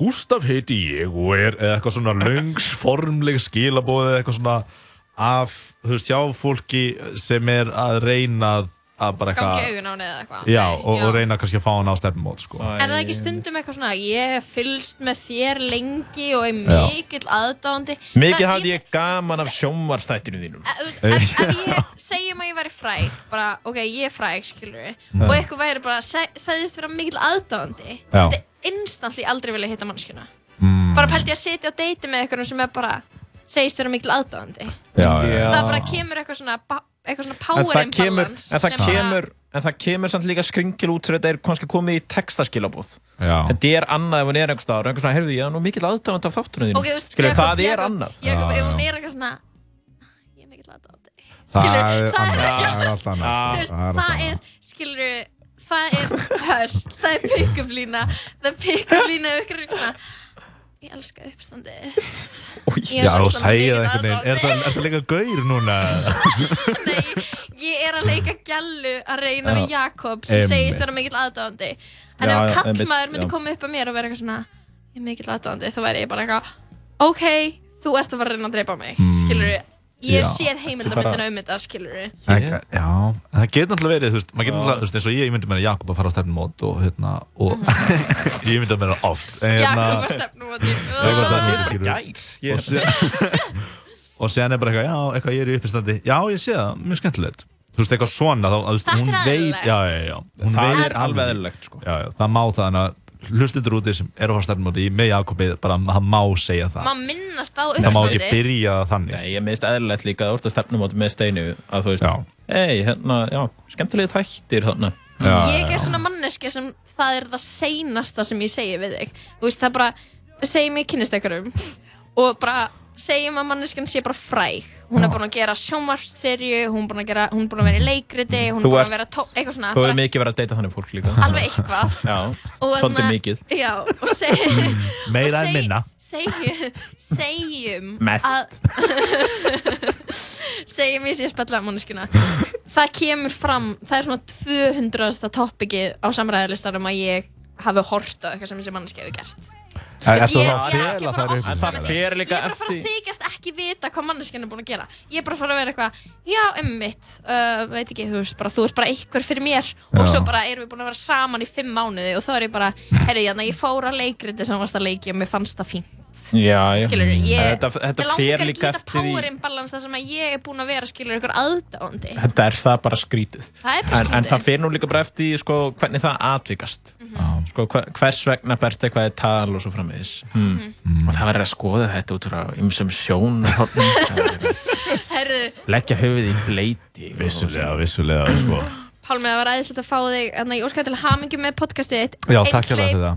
Einmana og eirðarlaus inn á Storytel Storytel. Steinei skúladóttir, hún er með þér í þessu hún er einhleip, eirðarlaus og einmana Eins og þú. Eins og ég. ein.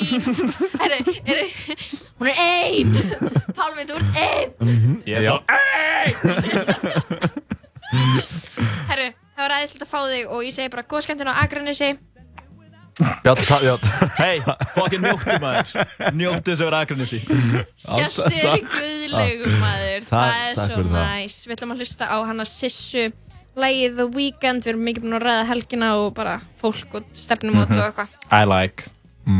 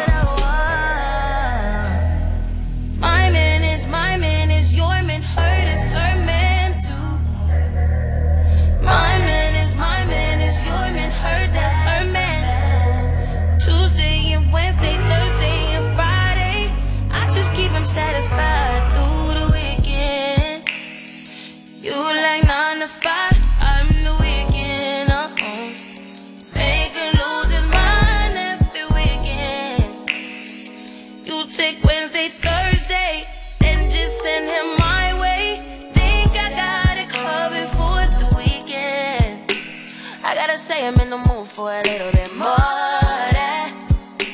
I mean, I'm saying what kind of these is two days. I need me least about four of them, more of them, more you on me, on us. Just tell me you want me yeah, one day, and I'll be at your door, ready to take a place, ready to give you what you've been missing on weekdays, what you've been waiting for.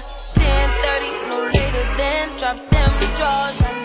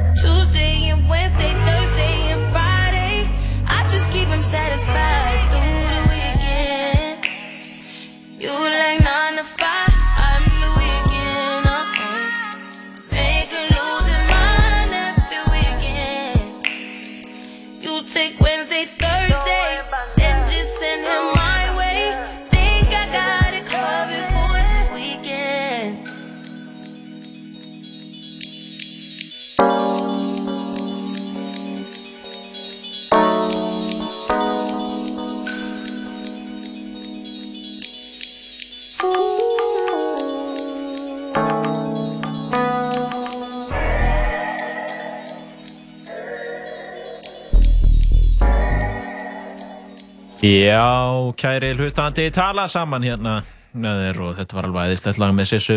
Við vorum að kveðja hann Pálma Frey hrikalega, hrikalega gaman að fá hann uh, já, í spjallum svona, við vonum mikið að ræða bara líf einhleipra en, en hann var að byrja með podcast á samt uh, Steinu Skúladóttur En- á Storytel. Já, en við erum komið með á línuna til okkar Rebecca Scott Lord, hún er á Seyðisfyrði á Lunga. Hi Rebecca. Hi. Can you hear us? Yes, can you hear me? Yes How All right, great. How are you doing? I'm uh I'm okay. It's like extremely rainy here. Ok Hi Uh, Rebecca but also super beautiful. Um I uh I was sleeping in a tent for the first night and do you know what I thought? No, what, Uh, what did you think? I thought how could anyone possibly have sex in a tent? yeah, Uh, It's yeah, just- it's gross. Do you- But people are doing it. are many are many people having sex in, in, in tents? Yes. Um, I don't know because I, as soon as possible, uh, moved out from a tent into like an actual room. So I don't know. I, I hope so, but I also I have no idea. But things things I think have been getting a little hot and heavy here at Lunka. Yes. So tell us, uh, Rebecca, for our listeners, you are at Lunga. You were performing uh, on Monday. How did that go? Wait, hold on. I have to find a I have to find a quieter spot. There's yes, like it's like a lots bit of loud. traffic going by. Like noisy. It's pretty noisy in the background, but um, oh, that's much better. So for our listeners, you uh, you're a stand-up comedian, you're a performance artist, painter, and lots of different things. Uh, how did your Yes. show on Monday Yes. go? How what the, the DJ Daddy Issues show in Herðubreið? How did that go? Yeah, that was awesome. Um, yeah, uh, and that's a show. DJ Daddy Issues is a show that I've done a couple of times. Uh, that was like my uh, final show for my um, graduation from Listhauskole. But yeah, it went super well. People got emotional, which is the goal. Um, and then at the end, I had the Daddy-oki, which, uh, as you may know, is where uh, after after I've gone through my emotional journey, the audience gets a chance to talk about their emotions with their parents through karaoke. And uh, there was a Danish guy who, instead of singing a song to his actual mom, sang a song to Denmark, the motherland, which was seemed very Danish. Um, That's interesting. Yeah, interesting choice. but other than that, it, it was uh, it was pretty nice. It was it was really great. Okay, cool. Um, but how is what is the vibe now at Lunga? Can you describe like what's been going on and how how's the mood been, even though it's been raining? Yeah, no, people have been making the best of it. Um, it's just uh, there's a lot of really awesome workshops going on. I know of one that looks. I'm kind of jealous that I'm not in the dance workshop led by Saga and I can't remember who else. Um, and then of course in the evenings, you know, after everybody eats dinner, then there's just like two to three shows every night, which is super exciting and everything's really close by because it's Seyðisfjörður. Everything's like, you know, a five minute walk. So you can kind of just pack in like, you know, three or four shows every day.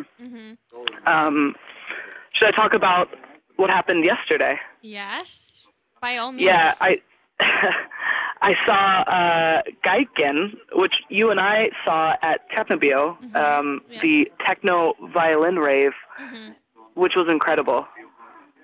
Yeah, it's an incredible show. It's a it's techno and violence and like a crazy Like- rave, just basically like black lights and glow sticks and like I don't know Amadeus hair. Mhm.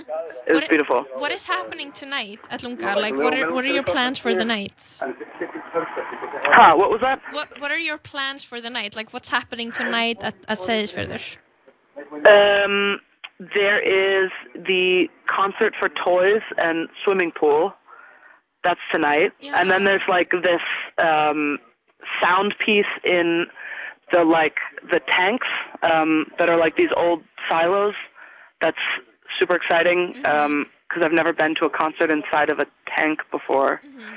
Um, and then there's Mass Confusion, the dance piece, which I've heard a lot about, which I think, uh, yeah, it showed at the Fringe Festival a couple of weeks ago. So that's that's like the big thing of tonight that I'm really pumped to go see. Oh yeah, because there's like a lot of things happening, like besides the actual workshops. There's like events every day and a lot of cool performances. Yeah. Yeah. Yeah, and like tomorrow there's like a drag show, and we've got a lot of sponsored content with uh, Srenna. Mhm. So there's lots of parties hosted by them. Oh, that's cool. I guess. Um, Yeah, and then I guess tomorrow is kind of the start of uh, the, concert- party party yeah. vibe. yeah, the concert weekend, like that's happening. What are you most excited to see? Um, mm, Good que- good question. uh, club club dub, no doubt, Club definitely Dub, club dub. Yes. Shouldn't we? I think we're gonna play like uh the best club dub song there is because they are playing this weekend at Lunga, and Yes. You'll be dancing in the front, and I might join you. I think you should. Yeah. Yeah, yeah. I think, it's gonna be it's gonna be. I brought my knife with me, so it's gonna be full on psycho mode. Yeah, love it. Uh, Rebecca, thanks for uh, telling us a little bit about Lunga and have a have a great evening and see you soon. All right, thank you guys. Uh, I'll tune in. I'll tune in to hear club dub now. Okay, bye. All right, bye guys. Bye. Ok, ég, ég er fagna ég að þú sett stemningsmaður, það er það sem við viljum.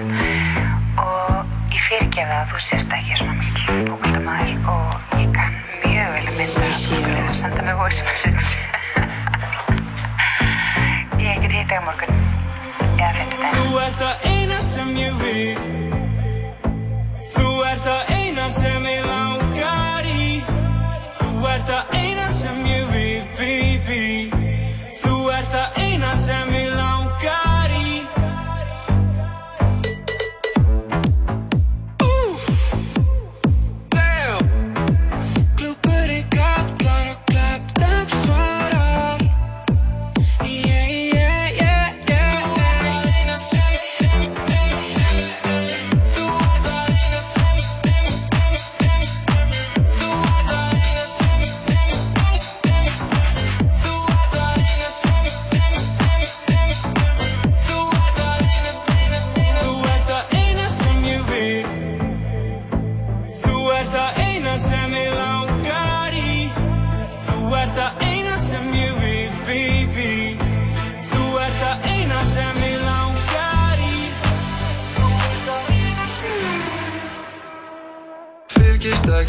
hvað aðri tala um. Púla upp í bíl sem mér er sama um. Gleimin en ég gleimi aldrei safanu Við erum grúsi, stelpa mín þarf ekki að reykja úti. Fylgist ekki með hvað aðri tala um. Púla upp í bíl sem mér er sama um. Gleymi en ég gleymi aldrei saman Við erum grúsi, stelpa mín þarf ekki að reykja úti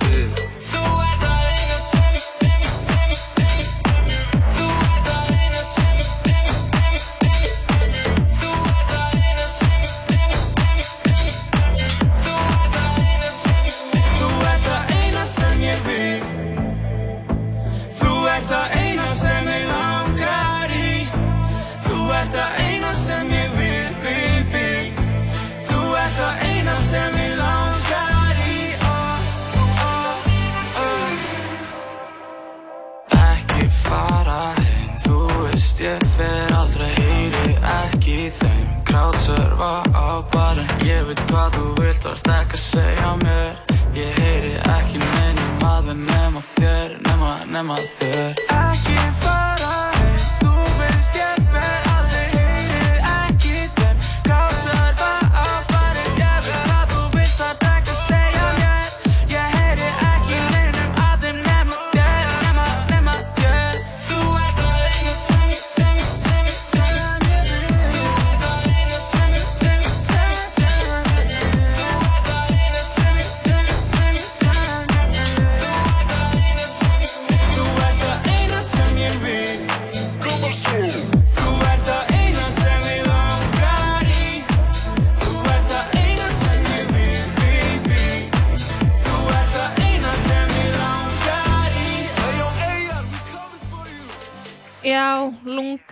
coming for you. Skarplátöð og þetta var auðvitað ert, það er nei, það eina sem ég vil með Club Dub og Aron Kahn, þú ert að hlusta að tala saman með Lóu og vini mínum Jakobi. Mhm. Jakob, þú ert það eina sem ég vil. Já, þakka fyrir það. Já, bara sem leiðis en við vorum aðeins, varum, vorum aðeins að heyra í henni Rebjörg Skottlord, hún er stödd á Seyðisfirði, það stendur yfir lunga listáti ungs fólks á Austurlandi, við erum aðeins búin að fjalla um þess að hátíð. Það er búið að vera gafaleikur í gangi. Við erum að gefa tveimur uh, fylgjandum okkar á Instagram miða á tónleikanum helgina. Já. og í hvet þá sem er að hlusta bara, bara rullið inn á One on One Live Instað leikurinn virkar bara þannig að þú veist þú takkar einhvern vin og gefa, við ætlum að gefa tveimur hefnum með á lunga tónleikana 2019 Já, ég og það þarf bara að followa, hendi follow.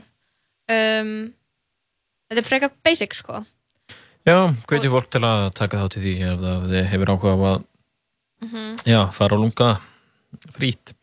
En uh, já, Pálmi var að nefna okkur aðan ég er svona í skemmtilegu einslægi, hann var að byrja með podcastið Einhleip, Einmann á Eirðalus með Steinur Skúladóttir, það er hægt að hlusta þenn á Storytel, ég held að ég sé að fara að fá mig Storytel til að hlusta sko, ég, mér finnst mér finnst bæðið svo ótrúlega fyndin sko. Já, og ég hef alltaf gaman að því að þú veist, uh, hlusta og líka bara þetta er svona að- það er eitt vandamál á Íslandi. Mhm. það er bara svona frekar augljóst og það er bara þetta, það er bara samfélagstætt vandamál hvað fólk dettur fljótt inn í langtímasambönd kaupir sér íbúð og barn. Einmitt. Og hinnir sem að eru ekki á þeim vagni þeir eru bara veist, eh, þykja abnormal. Og Já, þannig að við þurfum einhvern veginn fleiri sko, þurfum eitthvað meira representation fyrir hérna, þessa ungu einhleipu og Mhm. einmanna En nú eru nú, já, flestir vinni mínir að, að uh, flýja borgina. Þeir eru að fara, já, á Ísturland til Seyðisfjörðar á Lunga að skemmta sér, djamma í þessum fallega fyrði. Mhm. Nú, ég verði heima. Ég uh, er aðeins að fara stúsast uh, á fyrstu daginn í verkefni og, og síðan er ég að passa hundi minn. Mhm. Um, hvað á ég að gera?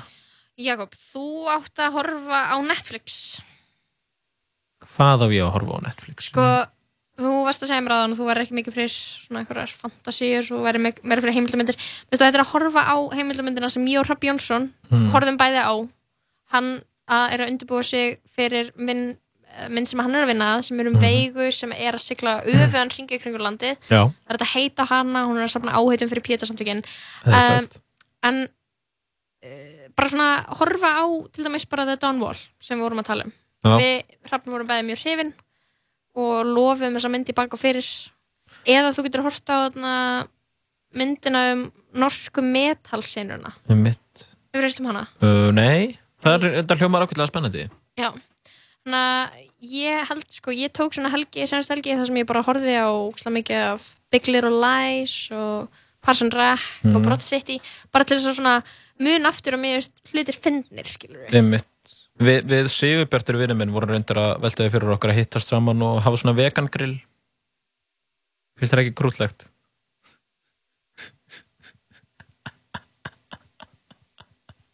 Jú, með stæðislega hugmynd. Mér langar bara að prófa að hafa þögn. Aðeins, bara leifið sem orðið með eitthvað neina Já, við vorum að, við vorum að hugsa um það sko, hann stakk upp á því, hann er náttúrulega mikill svona grænkeri Þeir og... eru einu, tveir sem, sem eru á þessum vinnustað sem við erum á sem að mun ekki fara austur um helgina.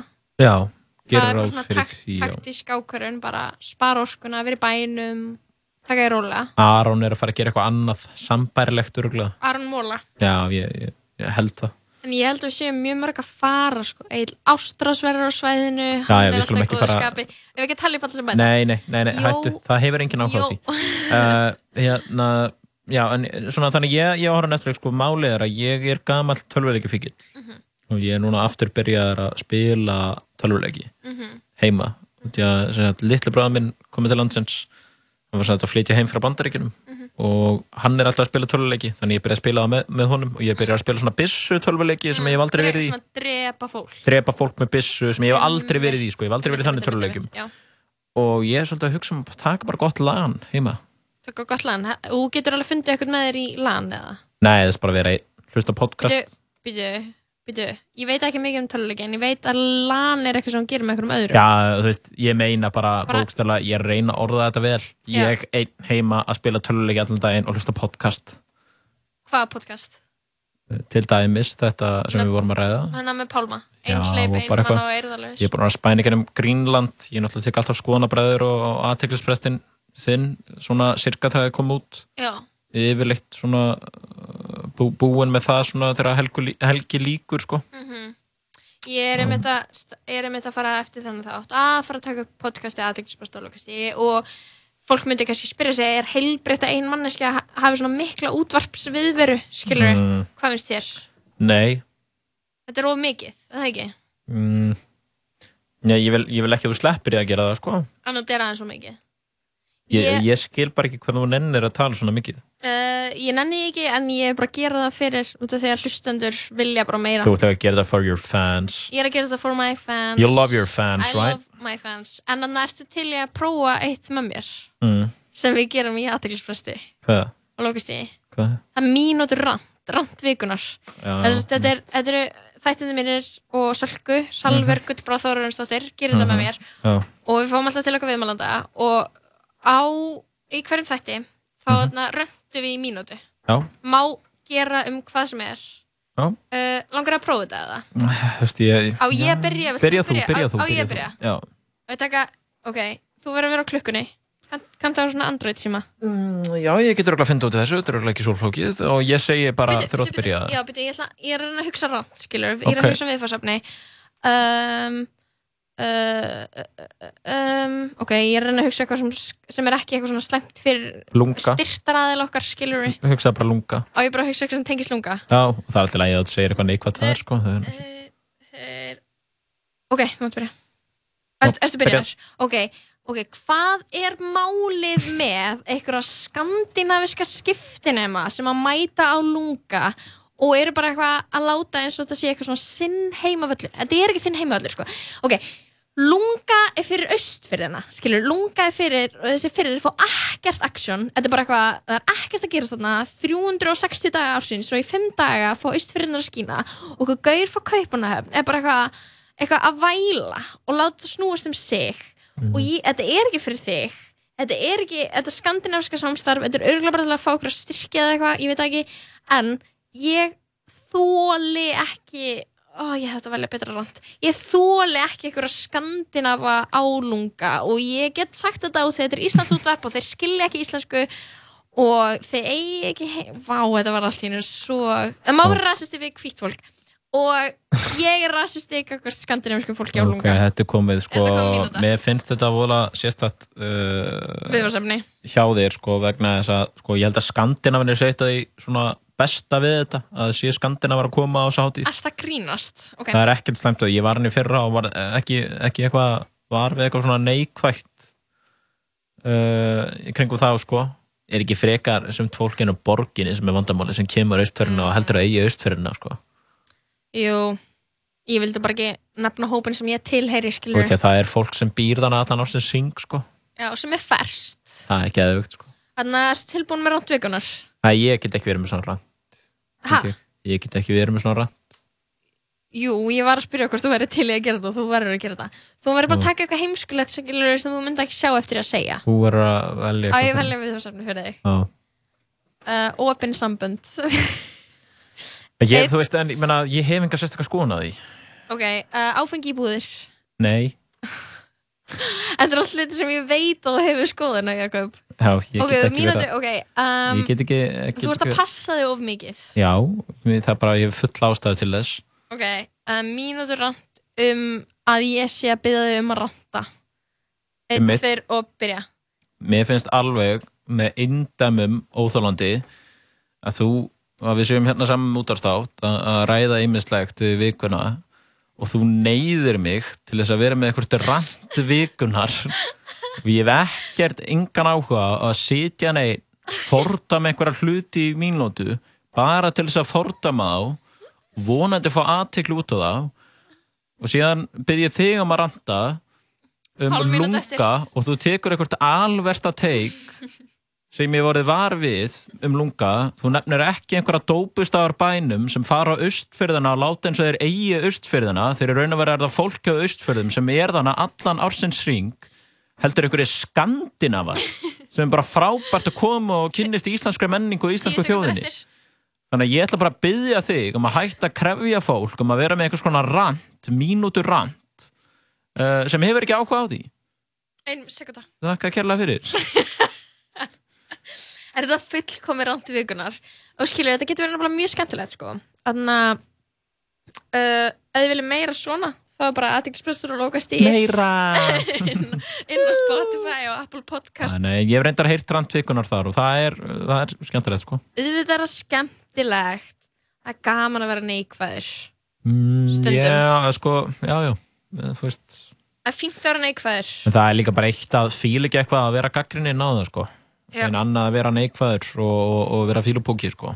já, þetta er tvent álíkt Já. en uh, það er hægt að vera bæði í einu og ég er það Ú, Uh, yeah, Nóa er bæði í einu.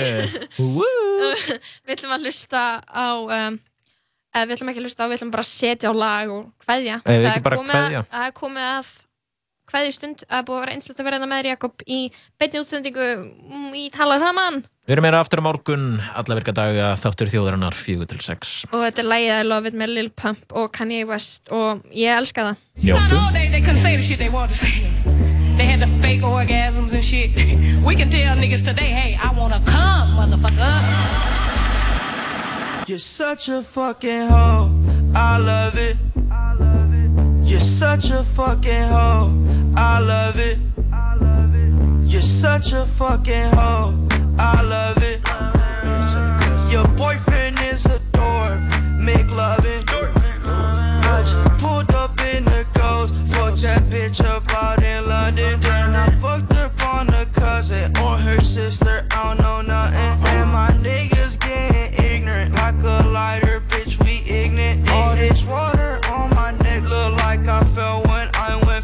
So much diamonds on my bust now. Ooh, fuck. What's the time? Oh, yeah. Smoke, perp, sipping, drain. Ooh, fuck. She take lines. You're such a fucking hoe. I love it. You're such a fucking hoe. I love it. You're such a fucking hoe. When the first time they asked you, you want sparkling or still? Why you try to act like you was drinking sparkling water before you came out here? You're such a fucking, I'm a sick fuck, I like a quick fuck. I'm a sick fuck, I like a quick fuck. I'm a sick fuck, I like a quick fuck. I'm a sick fuck, I like a quick fuck. I'm a sick fuck, I like a quick fuck. I like my dick suck. I buy you a sick truck. I buy you some new tits. I get you that nip tuck. How you start a family, the condom slipped up.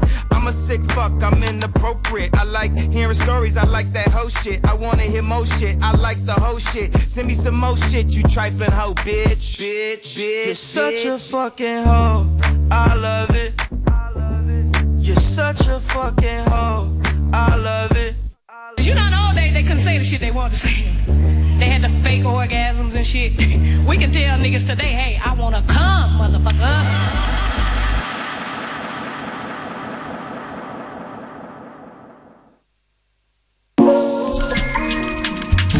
Hey, vantar þig smið? 770 60 33 Eða bara á Facebook. Samsmiða Þú ert að hlusta á Tala Saman í bóði Dominos og Spiderman Far From Home komin í bíó